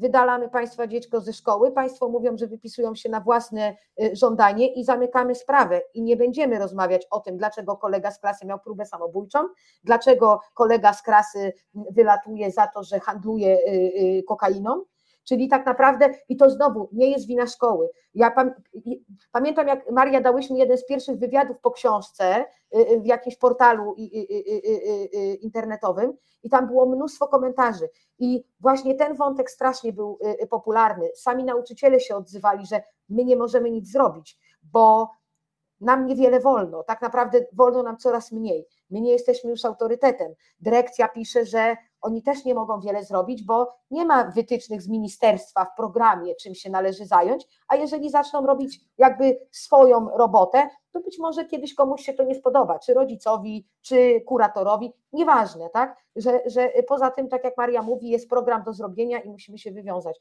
Więc wydaje mi się, że szkoły są równie bezradne jak rodzice, a jak zwykle obrywają dzieciaki które po prostu znikąd nie mają pomocy, bo na przykładzie tej dziewczyny y, choćby, mm, mm, tam dużo nastolatków o tym opowiada, ale ona mi szczególnie zapadła w pamięć. Rodzice wkurzeni, że brała narkotyki i że wyrzucili ją ze szkoły. Skandal, co ludzie powiedzą, wyrzucili cię ze szkoły, odwracamy się od ciebie. Szkoła się od ciebie odwraca, bo jesteś po prostu niewygodny, tak? bo nie umiemy sobie poradzić z tobą. No i co? I trafia do szkoły specjalnej, potem jest jeszcze gorzej, jeszcze gorzej i tak naprawdę została wtrybiona w mechanizm nie dość, że uzależnienia, potem handlu y, narkotykami. Miała 16 lat, kiedy pierwszy raz wzięła mefedron. Czy naprawdę to jej wina, jak się ta historia zakończyła? Znaczy ja w ogóle uważam, że to są takie historie, gdzie nie można szukać też winnych, nie? Bo to Mhm. jest, e, e, znaczy już w ogóle na pewno nie samych uzależnionych, bo to No właśnie, bo tego, ostatecznie tego sama sobie to jest tak? naprawdę ostatecznie cierpienie, suma summarum i to jest takie cierpienie, którego nikt sobie na własne życzenie nie wybiera, to zawsze jest jakaś nieporadność, taka nieumiejętność radzenia sobie w inny sposób niż, e, e, ale też, też tak samo gdzieś tam ci bliscy, bo to jak zaczniemy oskarżać, to no właśnie, możemy się w tym tylko zaplątać i nic z tego, e, nic z tego nie wyjdzie. Raczej jestem za szukaniem właśnie rozwiązań i za głośnym mówieniem o tym, że e, tak, że to jest problem, że to jest poważny problem, że dużo bardziej powszechny niż byśmy sobie tego życzyli. E, I tak jak zwróciłaś uwagę, naprawdę, ja to podkreślam, cholernie demokratyczny. To naprawdę już nie jest tak, że tylko jakieś wybrane grupki. To jest po prostu wszędzie, absolutnie wszędzie i naprawdę pewnie, pewnie każdy z nas ma kogoś w swoim nawet dość bliskim otoczeniu, tylko sobie nie zdaje sprawy z tego. Natomiast to jest jak wiele innych chorób, które są trudne. E, Ta, jakby, ta droga nie jest łatwa, ale jest możliwa. To się leczy. To się leczy i mamy system wsparcia w Polsce. Korzystajmy z tego. Maria, ja wiem, że ty za chwilę musisz być w innym miejscu. Twoje serce i twoja mądrość Tak, a jest propos potrzebna. E, pomagania. Więc, e, więc Tak. ostatnie trzy, trzy zdania od Ciebie, a my jeszcze tutaj z Agatą chwilę, jeżeli Agata możesz zostać, pogadamy. Powiedz, jak powinni reagować rodzice, kiedy znajdą przy swoim dziecku narkotyki, bo mówicie bardzo ważną rzecz, żeby nie zapomnieć o tym, że nie walczymy z dzieckiem, tylko walczymy z rodzicami, gramy do jednej bramki, czyli co robimy? Krótka instrukcja i lecisz. Z, no właśnie, nie walczymy z dzieckiem, tylko jak już to z problemem. E, przede wszystkim e, e, właśnie błagam, nie stwórzmy dwóch obozów. To jest chyba to, co się najczęściej dzieje i co jest naj... Zaczynamy to dziecko albo atakować, jakby oskarżać, wykrzykiwać różne rzeczy. Pamiętajmy, że, że jeśli, ta, jeśli stanie się tak, że będziemy my i oni, podzielimy się właśnie na dwa fronty, e, a już nie daj Bóg, zaczniemy od tego, że zanim zaczniemy rozmowę, to zaczniemy wołać, dzwonić po policję, żeby miało nauczkę i żeby popamiętało, to niestety możemy mieć jak w banku, że nawet nie, nie będziemy w stanie ocenić, jak poważny był ten problem, bo najzwyczajniej w świecie przestanie z nami rozmawiać i następnym razem zrobi już tak, żebyśmy przypadkiem tego nie znaleźli. To znowu jest tak naprawdę, nie jest do końca na trzy słowa, bo to jest cały rozdział i to rozdział, który ja uważam, że mógłby się zamienić w książkę, e, bo my rozmawiamy właśnie długo o tym, że to są różne poziomy, że to jest e, i że jesteśmy w stanie w, w rozpoznawać, no właśnie, czy to jest, e, jest zupełnie inna historia, jak nam po prostu dziecko wraca pod wpływem, bo to się najprawdopodobniej zdarzy każdemu rodzicowi nastolatka. I to dobrze w sumie, że się zdarzy. To dobrze, że wróci do domu, a nie, że będzie się nas bało i gdzieś, e, gdzieś zostanie w jakimś obcym miejscu. E, I każdemu z nas i nie udawajmy, że nie zdarzyło się kiedyś jakby przesadzić, nie wiem, z alkoholem chociażby. E, Nie podejmujmy rozmowy w momencie, kiedy dziecko jest, no właśnie, jest nietrzeźwe, bo to pewnie doprowadzimy tylko do jakiejś emocjonalnej różnicy zdań. Poczekajmy na następny dzień i porozmawiajmy. No właśnie, z jednej strony te, nie robimy z tego wielkiej, y, nie, nie, nie, nie ma krzyków, ataków, ale z drugiej strony y, trzeba jasno stawiać granice. To nie chodzi o to, żeby grać luzaka i udawać, że spoko, my też, w ogóle nie ma problemu i normalna rzecz, y, tylko w jasny sposób jakby powiedzmy, gdzie jest, że nie ma na to zgody, że nie ma na to przyzwolenia, ale też błagam, spróbujmy wysłuchać drugą stronę. Niech to dziecko samo powie, co właściwie co się wydarzyło i czy to się dzieje częściej, czy, czy, czy, czy, czy to była jakaś jednorazowa akcja. Natomiast zupełnie inna historia jest, jak dziecko wróci same pod wpływem, a zupełnie inna historia jest, jeśli już faktycznie znajdziemy przy nim, y, no właśnie, torbę narkotyków. Bo wtedy już raczej się robi, oznacza, że coś jest nie, niebezpiecznie, albo samo bierze już jakby większej ilości i częściej, albo no właśnie, nawet o tym rozmawiamy, jak będzie nam mówić, że to tylko przechowuje jakby jakąś, jakieś narkotyki kolegi, to również jest to niebezpieczne, bo to znaczy, że coś jest nie tak z asertywnością jakby i z, z jakby z uleganiem wpływów, wpływom. Natomiast pamiętajmy, że znowuż my nie musimy być specjalistami świata. Mamy nauczyć się rozpoznać tylko najbardziej podstawowe takie sygnały i mówię, najważniejsze to jakby taki cel trzymać relacje jakby z dzieckiem, nie jakby stawiać granice, ale też jakby starać się naprawdę słuchać i nie stracić z nim kontaktu. A jeśli zaczynamy mieć większe wątpliwości, to pamiętajcie, że w każdym większym mieście, zresztą nie tylko mieście, w wielu miejscowościach jest, są poradnie leczenia uzależnień. Każda z nich oferuje coś takiego jak terapia dla osób współuzależnionych, czyli dla rodzin i bliskich. To brzmi bardzo tak groźnie, bo terapia, bo współuzależnienie, ale to jest nic innego jak porady dla osób, które mają w swoim najbliższym otoczeniu, no właśnie, e, e, ludzi, którzy się gdzieś tam borykają. I tam się można dowiedzieć, e, no właśnie, czy, czy to już jest problem, czy to jeszcze nie jest problem. Jeśli tak, to co z nim robić. A jeśli jeśli nawet e, takiej, takiej placówki nie ma w naszej miejscowości, to pandemia akurat tyle dobrego zrobiła, że trochę do porządku dziennego przeszliśmy już z pracą zdalną, więc większość tych porad można również odbić, no właśnie, tak jak nasz wywiad lub telefonicznie. E, ale tak, ktoś fajnie napisał, nie zdążyłam przeczytać jakby kto, bo mignął mi tylko ten komentarz, że ratują nas relacje, dokładnie tak. E, I podpisuję się pod tym po prostu absolutnie w, w obydwoma rękoma, bo w, tak, pamiętajmy, że przeciwieństwem uzależnienia nie jest trzeźwość, tylko jest relacja i żebyśmy dbali, dbali o relację z tym dzieckiem i że tej relacji, budowania tej relacji nie zaczyna się wtedy, jak jest problem, tylko od najmłodszych lat. I to z Maria. mojej strony też taki misyjny a tymczasem lecę Tak, jesteś potrzebna, więc ściskamy Cię bardzo mocno i ja wierzę w to, że spotkamy się jeszcze raz na rapetkę, jeszcze a teraz będziemy Cię obmawiać, ale bardzo dobrze zagatą, więc do zobaczenia. Dziękuję Wam przecudownie, naprawdę, dziękuję Wam za świetną rozmowę i dziękuję wszystkim też za te komentarze, to też jest fantastyczne, że jesteście, także dzięki straszne i mam nadzieję, że do zobaczenia. Dzięki. Dziękujemy bardzo. My, Agata, w takim razie, tak jak powiedziałam, e, trochę pomawiamy Marię, ale oczywiście z, z, taką radością. E, ja przyznaję, że dla mnie też bardzo ciekawy był ten etap waszej rozmowy, kiedy się okazało, e, że Maria ma też taką rodzinną historię pomagania. Czy ty o tym wiedziałaś, zanim się spotkałyście? Bo tam jest w ogóle fantastyczny rozdział opowiadający o tym, jak wyglądał Monar w latach 70., historia Marka Kotańskiego, ale też tak. rodziców Marii. Ja rozumiem, że mieszkając w takim, a nie innym domu, domu też się mm, no, przesiąka taką atmosferą pomagania, taką misyjnością, no bo tak to chyba też trzeba nazwać. Tak, rzeczywiście, y, y, rzeczywiście historia jest niebywała. Dość szybko się o niej dowiedziałam, ale miałam też przyjemność y, poznać mamę Marysi, bo jeździłam tam często do, do Monaru. Mama Marii cały czas jest aktywna zawodowo. Jest to, to, to powiem od początku.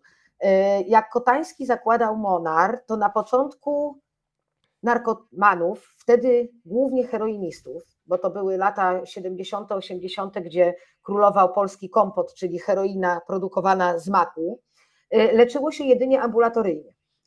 I leczyło się ich na oddziałach psychiatrycznych poprzez po prostu detoks, odtruwanie, podawanie kroplówek. Kotański tam był y, y, terapeutą, również mama i tata Marysi razem z nim. No i to właśnie pierwszy Kotański powiedział, że przecież to nie ma sensu. Oni tu przychodzą z dworców, z ulicy, y, y, y, z wszawicą, niedomyci i tak naprawdę my ich nie leczymy, my ich stawiamy na nogi. Oni tu się wyśpią, zdrowo zjedzą, wykąpią się, dostaną ubrania, mm, trochę ich organizm wróci do kondycji. Mało tego, zmniejszy się ich tolerancja na narkotyk i znowu będą mogli brać trochę mniej heroiny, żeby być równie mocno naćpani, bo przy okazji opiatów to rzeczywiście ta tolerancja wzrasta i po prostu później nie starcza, y, musisz brać coraz więcej i więcej, a wiadomo, że to kosztuje. Więc y, y, Kotański powiedział zaraz, zaraz, przecież my tak naprawdę ich nie leczymy, my im ratujemy życie doraźnie, owszem, ale za miesiąc wróci ten sam człowiek, za pół roku wróci ten sam człowiek I rzeczywiście tak było, to była rotacja. Oni przychodzili do ośrodka, mm, czy też do tego szpitala, bo to był szpital w Garwolinie, o ile się nie mylę. Tak. No i Marek się zaczął interesować, to już wtedy na świecie była znana tak zwana metoda leczenia społeczności terapeutycznej. To w Berlinie w oglądał między innymi, prawda, też się przyglądał tak temu. Tak, i on rzeczywiście, najpierw to chyba w Stanach zaczął się ten trend i leczyli stres pourazowy w ten sposób, a potem właśnie i Berlin i kilka kilka y, ośrodków w Europie zaczęło ciągnąć to. I on rzeczywiście jeździł no, na tyle, na ile mógł wydostać się z komunistycznej y, Polski, tak? No bo pamiętajmy, że my byliśmy odcięci jednak od nie tylko od y, towarów, ale również od przepływu informacji i od nauki. Ale na tyle, ile mógł, jeździł rzeczywiście obserwować tą metodę do synodu w Berlinie. No i chciał to przenieść na polski grunt. I, y, no i tak sobie wychodził, wychodził tej pani dyrektor szpitala, że potrzebuje oddzielnego ośrodka właśnie tylko dla narkomanów, że to nie oddział psychiatryczny, ale ośrodek, gdzie oni będą mogli żyć, gdzie się wprowadzą, gdzie będą mogli mieszkać, a on będzie mógł rozpocząć prawdziwą terapię i oni tak naprawdę sami ze sobą, bo jakby założenie tej społeczności terapeutycznej jest taki, że tworzymy mikroświat. Dzielimy się rolami, wszystko musimy sami i jakby sami nawzajem się leczymy, tak? Jakby te relacje znowu relacje, które tu powstaną, mają być terapeutyczne. No i rzeczywiście po czasie y, dostał ośrodek w Głoskowie. To był, zdaje się, że wcześniej to był oddział. Taki dworek dzieci, zdewastowany też, chorych psychicznie, dworek, tak. Tak jest, dla, zdewastowany dworek, który służył chorym y, y, czy tam z niepełnosprawnością intelektualną dzieciakom.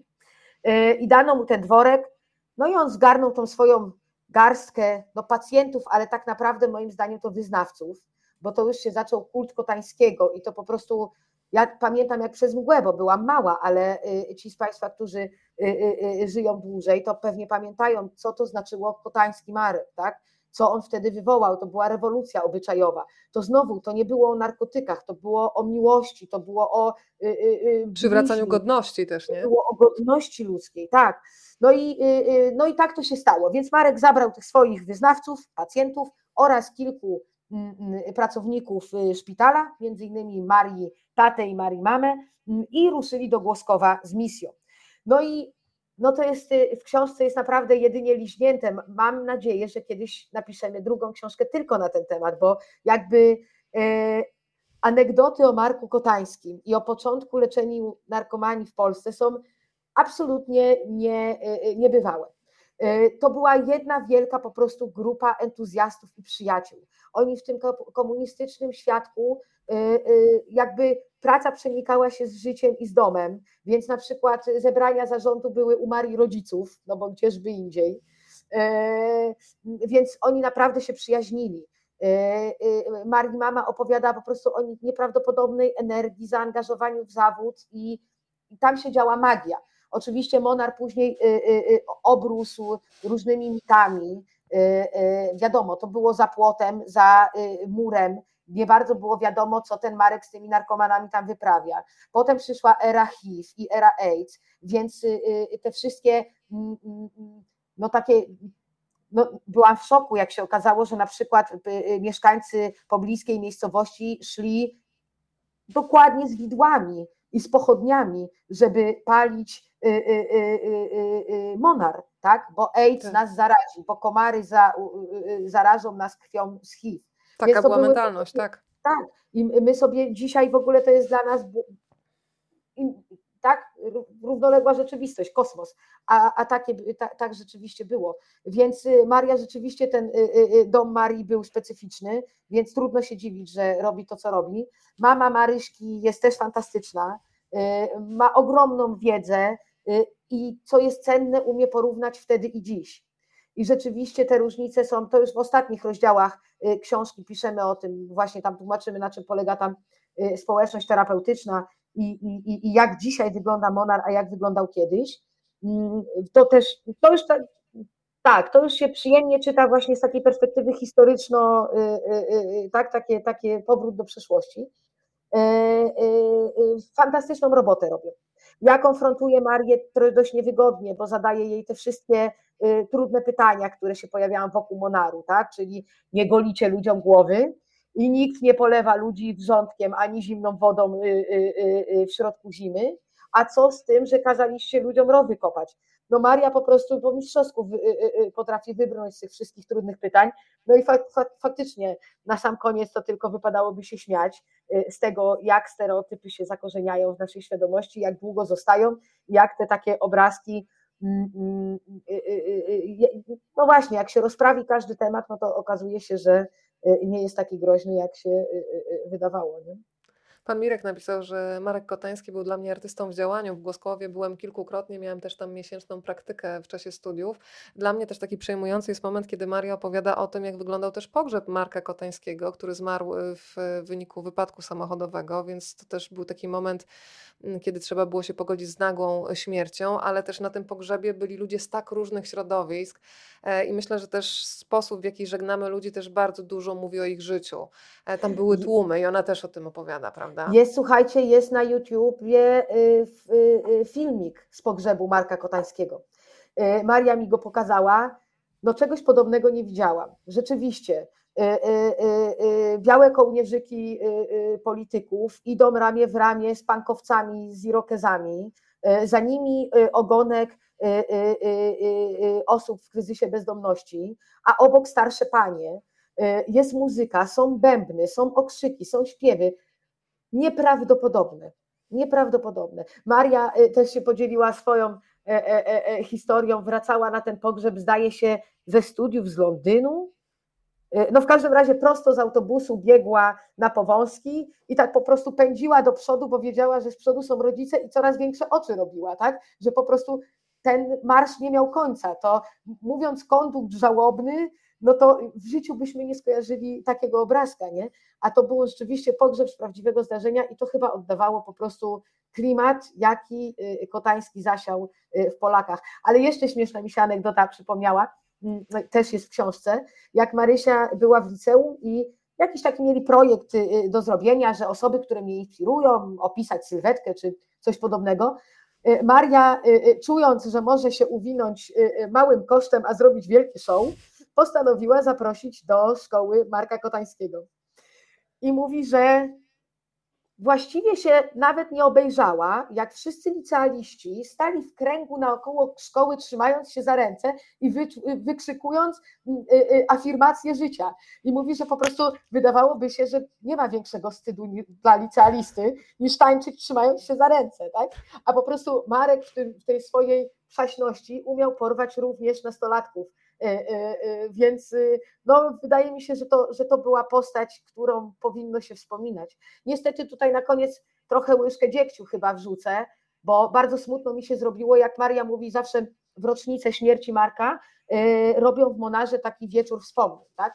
czyli tak. opowiada, opowiada właśnie o Kotańskim, o tym jak się zaczął Monar i tak dalej i mówi, że przez że nigdy nie musiała nikomu tłumaczyć, kim był Marek Kotański, a teraz niestety nowe pokolenie dopytuję, ale Kotański nie znam, może Koterski, aktora znam, ale Marek Kotański, kto to był?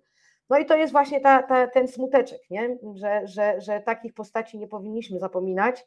Yy, no a jednak, jeśli o pamięć nie zadbamy, no to, to, to, to, yy, no to minie. Agata, mam nadzieję, że czytasz tutaj motywujące wpisy. Panie Tak. kochane, siadajcie i piszcie koniecznie tę drugą książkę. My już na nią czekamy. Widzisz, już są zapisy, już się zaczęła przedsprzedaż, a książka jeszcze nie napisałyście pierwszego rozdziału, przedsprzedaż już ruszyła. Natomiast No e, zahaczyłam, zawiesiłam się tutaj na chwilę na komentarzu jeszcze od pani Aleksandry.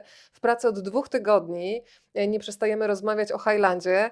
To Agata, jaki ty masz odzew ze strony czytelników? Bo jak mówiłyśmy na początku rozmowy, kiedy napisałaś tekst o tym, jak wygląda sprawa z narkotykami i młodzieżą, no to w redakcji, czyli ludzie, którzy teoretycznie powinni wiedzieć, co się dzieje na świecie, e, na wyciągnięcie ręki, powiedzieli to nieprawda. E, ile miałaś takich reakcji od bliskich, znajomych, ale też nieznajomych czytelników już teraz, na świeżo, e, że otwieracie oczy na coś, czego nie chcemy widzieć? No tutaj namawiasz mnie na, na, na, na to, żebym przestała być skromna, ale rzeczywiście. Za muszę... często jesteśmy skromne, więc to jest wieczór nieskromności. Bardzo proszę. Muszę przyznać, że odzew. Tak naprawdę trochę nie mamy czasu, żeby się skupić i osadzić, zatrzymać tu i teraz i podsumować, bo promocja trwa, więc Maria jest rozrywana, ja trochę mniej, ale również, więc cały czas jakby żyjemy tą książką i ciągle mówimy o rzeczach nowych i nowych i tak naprawdę to też pokazuje, że temat jest wciąż niewyczerpany, ale mówiąc zupełnie szczerze, nie spotkałam się nawet z cieniem jakiegokolwiek zarzutu, krytyki czy jakiegokolwiek negatywnego, a nawet neutralnego odbioru. Mam wrażenie, że ta książka była przede wszystkim potrzebna i y, to jest już mniejsza nasza zasługa, ale znaczy nasza, powiem, nasza. To my w końcu. Zgadzam się ale że jakby de, deficyt informacji jest wielki i głód informacji jest wielki. I takich publikacji powinno przybywać i powinno być więcej, bo y, y, rzeczywiście odbiór jest fenomenalny. Ja nawet szczerze raz się rozczuliłam, jak właśnie w internecie y, po wywiadzie zaczęły być mm, mm, komentarze właśnie nie hejterskie, ani nawet nie obojętne, nie krytyczne, ale strasznie, strasznie szczere. Odzywali się rodziców dzieciaków uzależnionych, odzywali się sami uzależnieni, którzy byli y, y, na wielu terapiach, odzywali się ci, którzy mają problem i dopiero go zauważyli po przeczytaniu książki. Więc wydaje mi się, że no skoro mam nie być skromna, to powiem, żeśmy odwaliły kawał dobrej roboty. Agata y, bardzo nieskromna, ale jak ja lubię taką nieskromność, bo to jest prawda. My za często siebie nie doceniamy, więc tutaj y, jak najbardziej potwierdzam. Słuchaj, jest jeszcze komentarz od pani Aleksandry, który bym chciała, żebyś trochę rozwinęła, rozwinęła dla tych, którzy jeszcze nie czytali Highlandu y, zaostrzając apetyt na to, żeby potem książkę sięgnęli. Niesamowita część książki to ta o różnicy między kobietami i mężczyznami, o tym jak się uzależniają, jak ćpają, piją. E, kobiety wiele rzeczy robią na 100%. Tak, ten wątek, wiesz co, perfekcjonizmu i tego, że my chcemy, żeby wszystko było elegancko i że naprawdę musimy dojść do ściany, żeby w ogóle uznać, że coś jest nie tak i na przykład poprosić o pomoc, e, ale też to biologiczne wyjaśnienie, że w sumie szybciej się uzależniamy, że mężczyźni potrzebują na przykład kilkunastu lat do takiej degradacji, a no, u nas następuje to szybciej, ale bardzo długo potrafimy tuszować. Czy to było dla Ciebie zaskakujące, czy, czy, czy już miałaś taką intuicję, że tak to może wyglądać? Wiesz co, nie przypadkiem to pytanie pojawiło się y, przy okazji rozmowy o skromności i o tym, mhm. że nie mhm. umiemy się chwalić tym, co robimy. Bo tak naprawdę problem uzależnień kobiet to jest problem, e, no właśnie, to jest problem czasów, w jakich żyjemy, naszego wychowania i naszych jakichś takich ograniczeń i preferencji, bo y, okazuje się, że. Znaczy tak, pierwsza rzecz jest taka, że kobiety po prostu doskonale umieją maskować. Y, Maria, co na początku wydawało mi się, że to będzie kontrowersyjny fragment, bo Maria wcale nie jest feministką w tym opisie rzeczywistości, bo naprawdę obnaża y, kobiecą naturę i myślę, że wielokrotnie ja miałam ochotę zapretestować, ale przecież to nie tak ale niestety smutna prawda jest, że to jest tak. Bo jeżeli. Tak, czyli jak? Mów. No właśnie, tylko to wcale nie jest nasza wina, bo my jesteśmy od pokoleń nauczone, że musimy być perfekcyjne i musimy spełniać wiele ról jednocześnie na najwyższych e, obrotach. I my jesteśmy nauczone tego, e, dziewczynki są wciąż uczone tego, że zachowuj się tak, a nie inaczej, bądź taka, a nie inna, bo co ludzie powiedzą. Musisz e, robić dobre wrażenie. Maria to na takim trywialnym przykładzie plaży pokazuje, jak mężczyzna, no dobra, powiedzmy, że z nadwagą, staje nad morzem, to ma piwerko w jednym ręku, drugą ręką się klepie po bebeszku, patrzy w dal i jeszcze. Nie ma z y, tym najmniejszego problemu. Nie ma z tym Czuje się ze sobą problemu. dobrze, po prostu. Tak jest. E, a kobieta, jego żona, leży kawałek dalej, w drugim rzędzie, boczkiem, żeby ukryć fałdkę na brzuchu, w pareo, żeby y, y, ukryć to, co niepotrzebne, ale z drugiej strony tutaj coś tutaj się dzieje, żeby wyeksponować biust, bo musi być sexy, ale raczej skromnie, więc zawsze w drugim rzędzie. I tak naprawdę trochę tak jak y, i trochę tak wygląda nasze funkcjonowanie i tak wygląda właśnie nauk kobiecy, że Owszem, facet to tak jak Maria pisze, mężczyzna jak pije, to pije, jak nie pije, to nie pije, jak się leczy, to się leczy, jak się nie leczy, to się nie leczy. A u nas jest trochę na pół gwizdka, czyli przychodzą pacjentki do Monaru i mówią, że one trochę wprawdzie potrzebują pomocy, ale trochę jednak nie potrzebują. Bo jaki to nauk? Owszem, może za dużo wina spożywam, ale kokaina rano, no prze, przecież muszę jakoś ogarnąć dzieciaki tabletki na sen wieczorem, och pani kochana, kto ich nie bierze? Czyli trochę się jakby jesteśmy mistrzyniami w kamuflażu, tak jak sobie kamuflujemy te właśnie fałdki czy boczki, e, tak kamuflujemy swoją chorobę. Druga rzecz jest taka, że jednak społeczeństwo też po kobietach się nie spodziewamy, więc jest dużo mniej czujne, bo y, z jakiegoś powodu jadąc przez polskie wsie i małe miasteczka, pod sklepami z piwkiem, widzimy mężczyzn na ławkach Kobiet tam nie ma. Czy to znaczy, że nie piją? Nic bardziej mylnego. One piją, my pijemy, y, czy też ćpamy, bo to jakby nałóg jest nałogiem, tak? W zaciszu domowym, bardziej luksusowo, nie do upadłego, ale częściej, trochę mniej, lepsze alkohole, winko zamiast y, y, spirytusu, drink zamiast czystej wódki. Tak samo jest z narkotykami. My nie pójdziemy do dealera w bramie ukrytego i nie kupimy sobie torby narkotyków, tak? O nie, to jest nie w kobiecym stylu. My zamówimy do domu, my zamówimy w białych rękawiczkach, ktoś nam to przyniesie, gdzieś schowamy. Właśnie niech to będzie blister leków, który będzie sobie leżał przy szafce nocnej.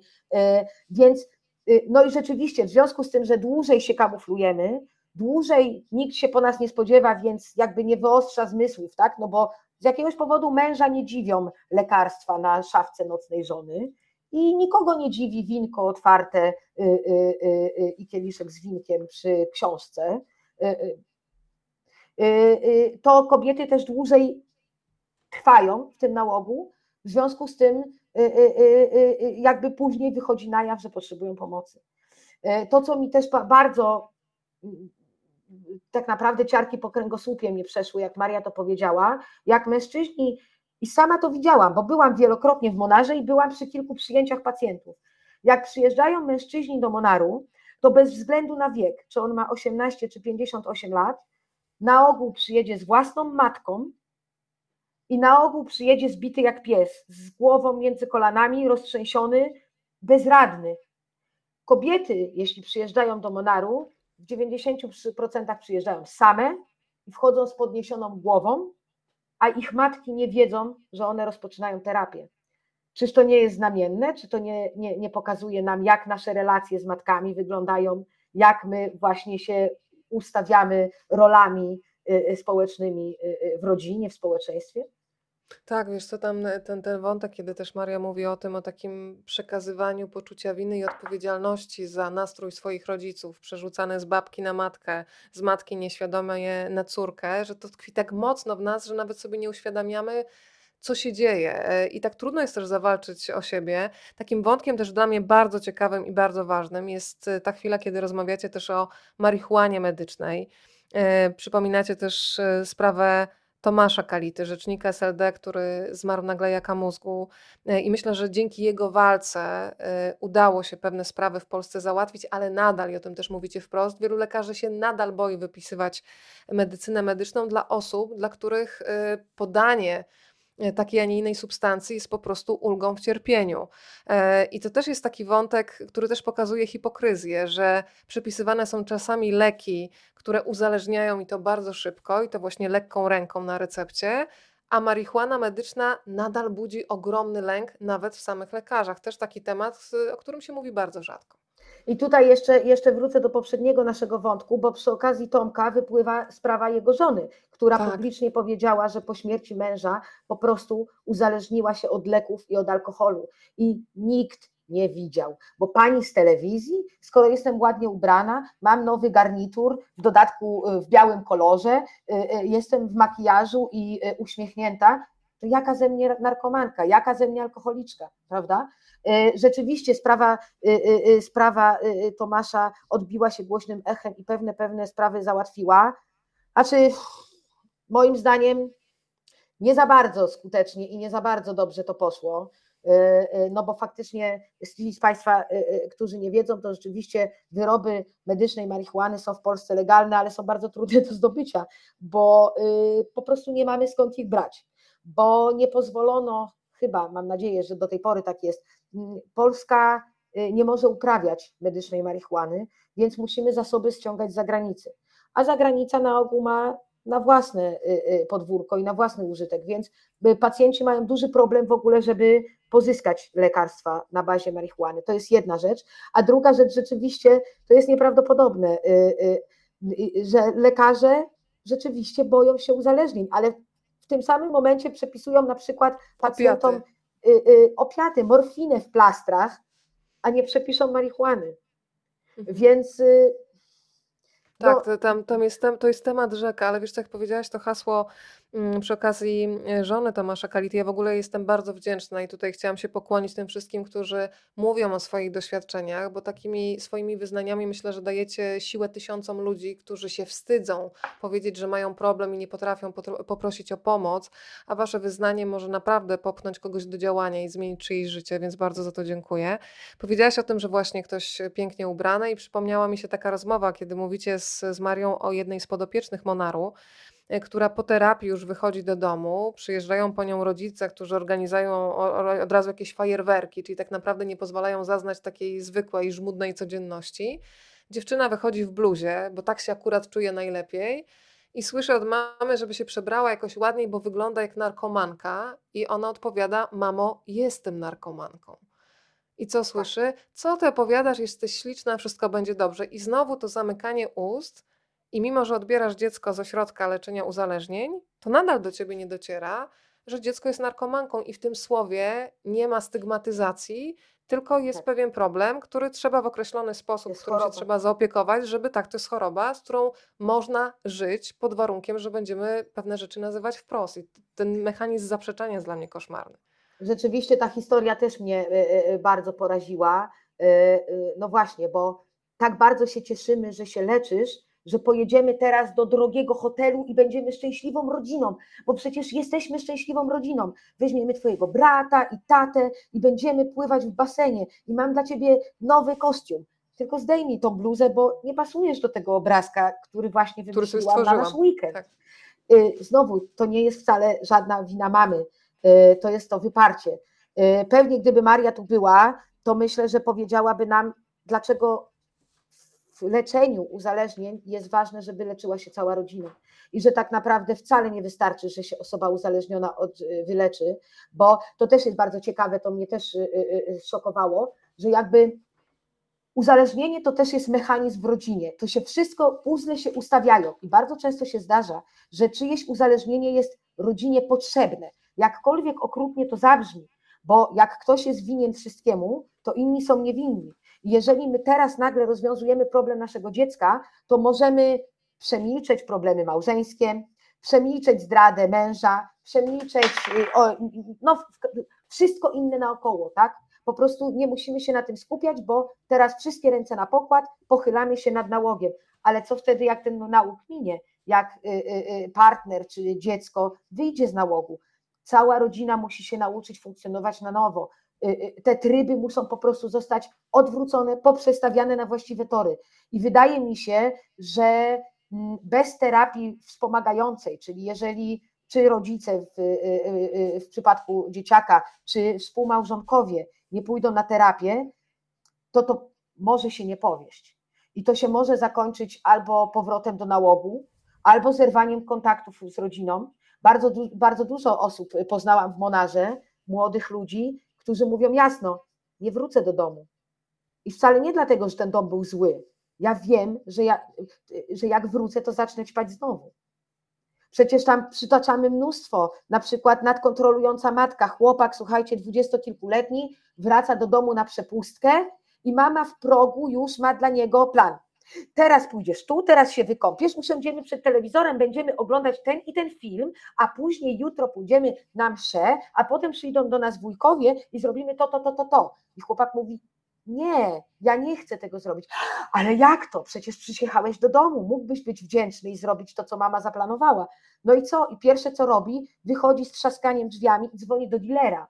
Akurat w tej historii szczęśliwie gdzieś ta terapia, coś do niego dociera, nie spotyka się z dealerem, w środku nocy wraca z powrotem do ośrodka, do, do Monaru i mówi takie strasznie, strasznie, y, y, y, może nieładne, chociaż już jest po 22, y, zdanie do terapeuty, który mu otwiera drzwi i mówi, ja zrozumiałem, że matka podcięła mi jaja, a ja muszę mieć silne, wielkie jaja, żeby wyjść z nałogu. Dlatego do niej nie wrócę. To nie jest zły człowiek, ale po prostu jakby robi mi źle, tak? Więc wydaje mi się, że y, to, że y, y, cała rodzina musi być objęta terapią, jest potwornie, potwornie ważne. Wiesz co, tam jest też taki fragment, który znowu mi przypomniał, że kobiety też często zostają same na placu boju, jeżeli to będziemy w jakichś kategoriach, wiesz, wojennych tutaj ustawiać. Myślę o sytuacjach, kiedy zaczyna się jakiś problem. Ojcowie czasami dezerterują, albo uciekają w pracę, albo został w mojej głowie taki przykład przerażający, jak rodzic może warunkować swoją miłość do dziecka i na przykład wspierać je emocjonalnie, ale też finansowo, w zależności od tego, czy znowu wpisuje się w ten obrazek, który sobie rodzic na temat swojego dziecka wymyślił. I myślę konkretnie o przykładzie chłopaka homoseksualisty, który czując się najwidoczniej bezpiecznie w domu, mówi o tym wprost. No przecież y, to jest normalna rozmowa, która w domu e, powinna być y, wręcz pożądana, że my sobie ufamy, mówimy, czujemy się bezpiecznie. No i ojciec nagle go odrzuca i w zasadzie uzależnia swoje wsparcie finansowe i mentalne od tego, żeby to dziecko w końcu skończyło, jak mówi ojciec, z bzdurami. I ten młody chłopak stara się przyprowadzać koleżanki, żeby dopasować się do obrazka, który jest w głowie ojca. I Maria mówi, że właśnie między innymi takie osoby potem kończą w ośrodku w Monarze, tam trafiają, no bo ile można zaprzeczać własnej tożsamości? Wiesz co, pomyślałam sobie, że właśnie ta książka jest o rodzicielstwie głównie, już wyjmując w ogóle temat nałogów, które powinno być podążaniem za dzieckiem, a nie wpisywaniem dziecka w jakiś obrazek. To jest tak osaczające, że aż boli mnie fizycznie, kiedy o tym mówię. Tak, to prawda, a z drugiej strony, czy naprawdę nas to dziwi? Czy naprawdę nas to dziwi? Przecież y, y, od, y, zwłaszcza w ostatnim czasie, jeśli chodzi o osoby LGBT, przetacza się po prostu batalia. Na szczęście przestały bać się mówić i opowiadają właśnie takie historie. Niestety mnie to nie dziwi. Ja nawet teraz, i znowu, to wcale nie jest wina, bo nie mówimy o winie. Nawet dzisiaj, zobaczcie, mamy taki e, e, e, chyba jakiś kryzys rozumiany jako przełom, nie jako krytykę. Mówi się, że bardzo dużo dzieciaków e, e, e, mówi o sobie, że są.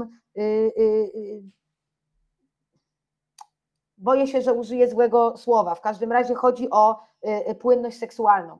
Teraz y, coraz częściej młodzi ludzie określają się jako transgender, jako fluid gender, czyli trochę jestem, trochę nie wiem kim jestem, może jestem y, y, poza płciami. No i to dotyczy także dzieci moich, bo ja mam jeszcze maluchy, ale moich koleżanek nastolatków. I też pierwsza reakcja fajnych, wykształconych, takich wspierających matek i ojców jest taka, to minie, to przejściowe, to jakieś bzdury, to moda. No jak to nie wiesz, czy jesteś dziewczyną, czy chłopakiem? O Jezu. No dobra, możemy cię przez tydzień nazywać Adam, chociaż masz na imię Ewa, ale już może czas skończyć. Może już ci niech to w końcu przejdzie. Kompletny Więc, brak zrozumienia. Mhm. Tak. Nawet tak jak mówisz, wśród ludzi wykształconych. Tak. I my, na, na, na, tak, nawet akurat tak w głowie myślę, nawet wśród dziennikarzy, którzy piszą o tym teksty, tak? Ale po prostu jak zaczyna to, no właśnie, bo ja też mam problem, to nie wiem, czy to w książce wybrzmiało, ale od, mam wrażenie, że my bardzo często, że jakby ten mechanizm wyparcia rodzica podpowiada nam bagatelizowanie tego, co mówią dzieci, bo koloryzują. Bo nawet jak powie dzieciak, mamo, wiesz co, a ktoś tam pali jointy, tak, naprawdę, i jakoś to płynie, tak?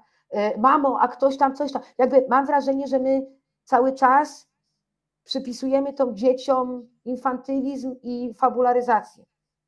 I że my sami po prostu nie, nie wiemy, kiedy, kiedy ten. Bo dzieci chcą mówić, wbrew pozorom. E, słuchajcie, jak Maria mi powiedziała, bo, bo tam zadaje takie pytanie, kiedy zacząć z dziećmi rozmawiać o narkotykach, Marysia mówi, jak najszybciej, w przedszkolu, cokolwiek, to nie powinno być tabu. Jak gdzieś jest okazja do tematu, to po prostu go chwytamy i o nim rozmawiamy, jako wszystkim. I ja trochę eksperyment zrobiłam, bo z, z, moim synem dziewięcioletnim y, słuchał jakiejś piosenki y, rapowej i tam się coś tam gdzieś. No i, a, no i przede wszystkim mama pisze książkę o narkotykach, no to trzeba o tym rozmawiać. Jak ja pozwoliłam mu mówić, to okazało się, że on wie, co to jest kokaina z piosenek.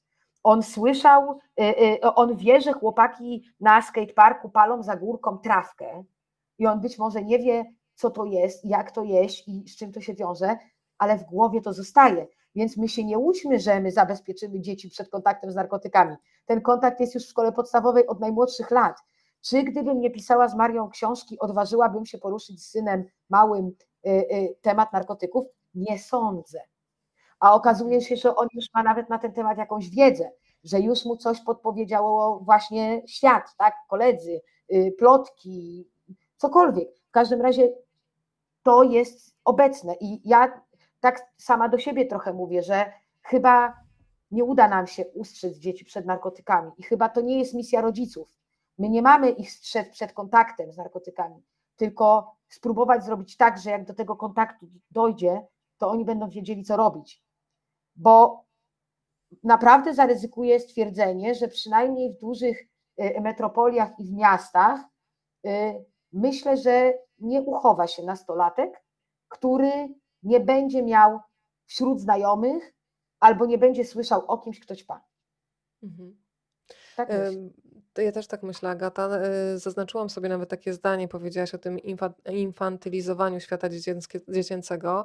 E, Mówicie bardzo ważną rzecz, że to my dorośli budujemy mur niezrozumienia, a nie dzieci. To my dzielimy świat nasz dorosły w domyśle ważniejszy i dziecięcy, czyli niepoważny. Ja nie tak dawno temu, kilka dni temu prowadziłam spotkanie dla młodzieży z Justyną Suchecką, e, która zresztą z ogromnym zainteresowaniem czytała Waszą książkę i powiedziała, że też będzie oglądać, bo ma całą masę pytań.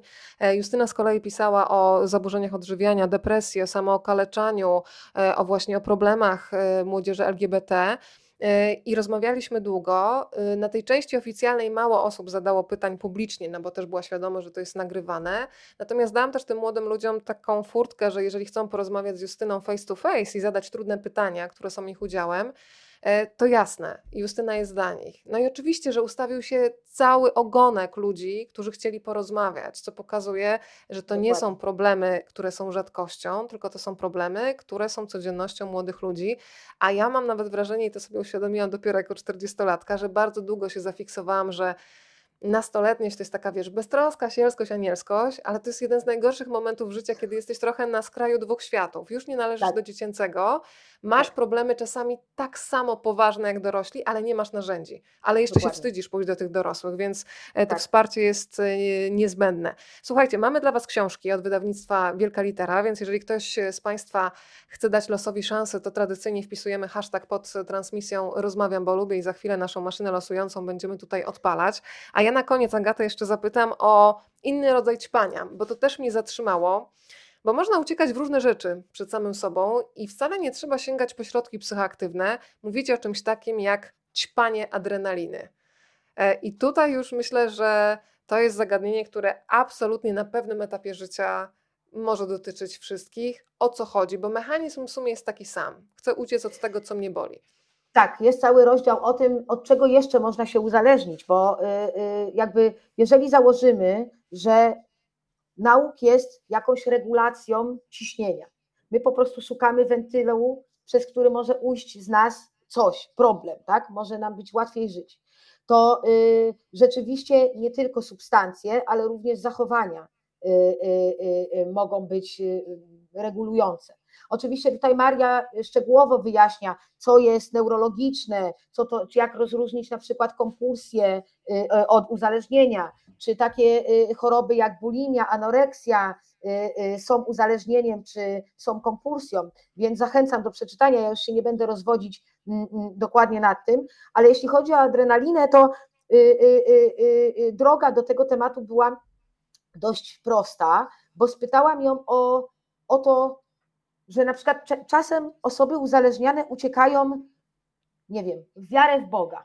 Na pewno się spotkaliście Państwo. To nawet nasze gwiazdy ekranu y, y, i, i, i celebryci często mają takie mm, mm, momenty, że z nałogu stają się na przykład głęboko wierzący. Y, Albo, i tutaj są dwa fenomenalne, wybitne nazwiska, czyli Artur Górski oraz Tomasz Mackiewicz, uderzają w sport. To, co, to, co zadziało się przy okazji Górskiego, to jest nie do uwierzenia. Heroinista, który ważył 40 Tak, kilo, miałam okazję do spotkania był, z Jurkiem i to jest y, niezwykły człowiek. tak. tak. nie, nie, nie był w stanie po prostu podnieść ręki ani nogi. Potem miał poważny wypadek i jeździł na wózku inwalidzkim. Ostatecznie y, wygrywa potrójnego Ironmana wielokrotnie. Y, No i Marię spytałam, czy tak naprawdę zachęcają pacjentów do ucieczki w sport i, i, i w inne właśnie takie wydawałoby się niegroźne uzależnienie, tak? No bo co groźnego może być w treningu? Czy co groźnego może być w chodzeniu po górach? Wszyscy nawet zazdrościmy takiej pasji.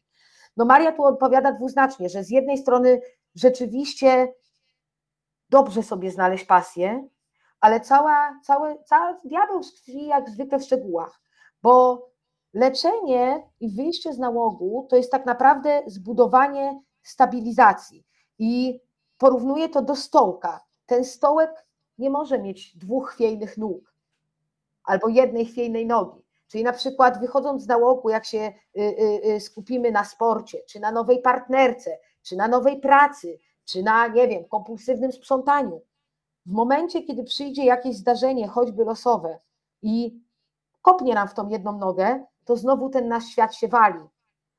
E, dlatego tak ważne jest, żeby zbudować po prostu silne fundamenty oparte na wielu y, y, wątkach, tak? Te jeden żeby ten stołek miał cztery nogi co najmniej, nie? Dokładnie. Ten jeden z pacjentów to porównał do wysyłania haczyków i zakotwiczania się w wielu różnych miejscach, że jak jeden haczyk ci puści, to jednak kilka cię wciąż trzyma. Dlatego uzależnienie od adrenaliny, tak, rzeczywiście, tak jak od pornografii, od hazardu, jest to sposób na ujście emocji, na regulację napięcia. E, czy jest takie same jak od używek, czy też substancji? Pewnie ma jakieś tam różnice, ale to, że przestaniesz ćpać, a zaczniesz uprawiać sport e, właśnie w takim wymiarze jak Mackiewicz czy Górski, to wcale nie znaczy, że jesteś zdrowy, bo e, jakby wyle, wyleczenie nie jest abstynencją. Znaczy, abstynencja nie oznacza zdrowia. Tak, relacje. mówią uzależnieni tak zwany dupościsk, mówią tak, ładnie tak, czasami, no właśnie, że po prostu trwasz na dlaczego, tak. tak, dlaczego na przykład, nie wiem, idziesz do więzienia na trzy lata i przestajesz ćpać, ale wychodzisz po trzech latach i pierwszą swoją drogą, jaką się kierujesz, to jest dealer i sklep monopolowy.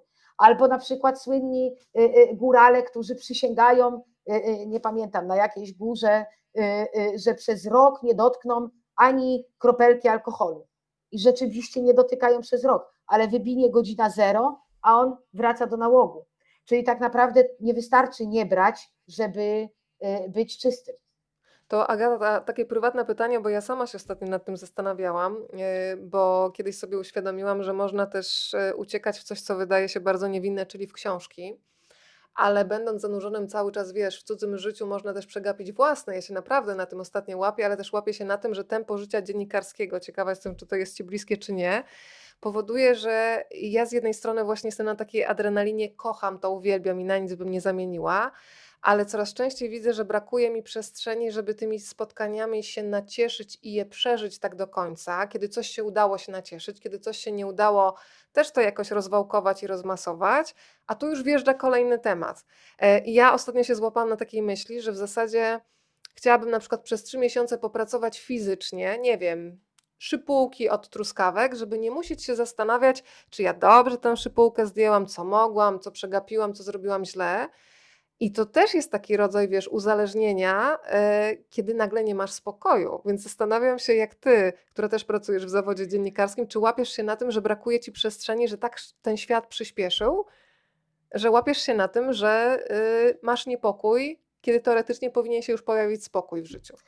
Och, znowu mnie namawiasz do wynurzeń prywatnych, ale ja już dzisiaj powiedziałam, że nie miałyśmy momentu, w którym się nacieszyłyśmy książką i też sobie zdałam z tego sprawę. Dopóki pisałyśmy książkę, wow, po prostu rozpierała mnie energia. Jak książka została wydana, to aż głupio się przyznać, ale ja jej nawet nie otworzyłam.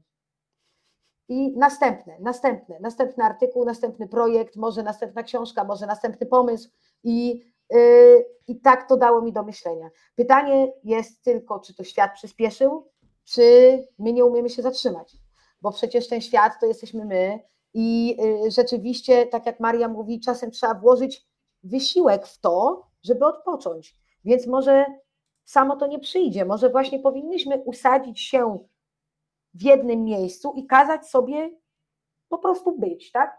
Więc no, czy to jest uzależnienie? Wiesz, no na pewno mm, jakby trzeba uważać z tym, żeby porównywać jedno do drugiego, bo jakby za, za tak. uzależnieniem idzie cierpienie i idą straty. Pytanie, czy my coś w życiu tracimy, bo lubimy czytać czy pisać.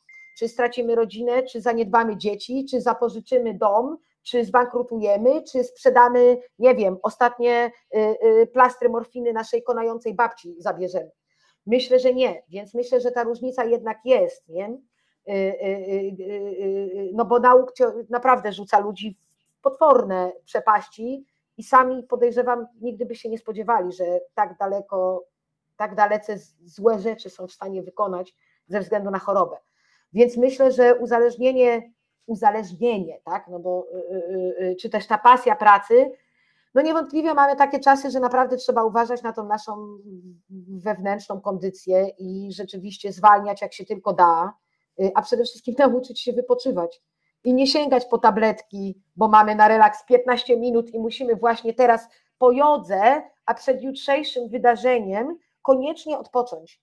Więc yy, yy, no nie, no trochę tak, no mamy zwariowany czas, no ale ja cały czas myślę, że to kurczę, my decydujemy jednak. Agata, bardzo Ci dziękuję za to odwrócenie pytania. Zostanie to e, we mnie, czy to świat tak przyspieszył, czy to my nie potrafimy wyhamować, to ja naciskam hamulec.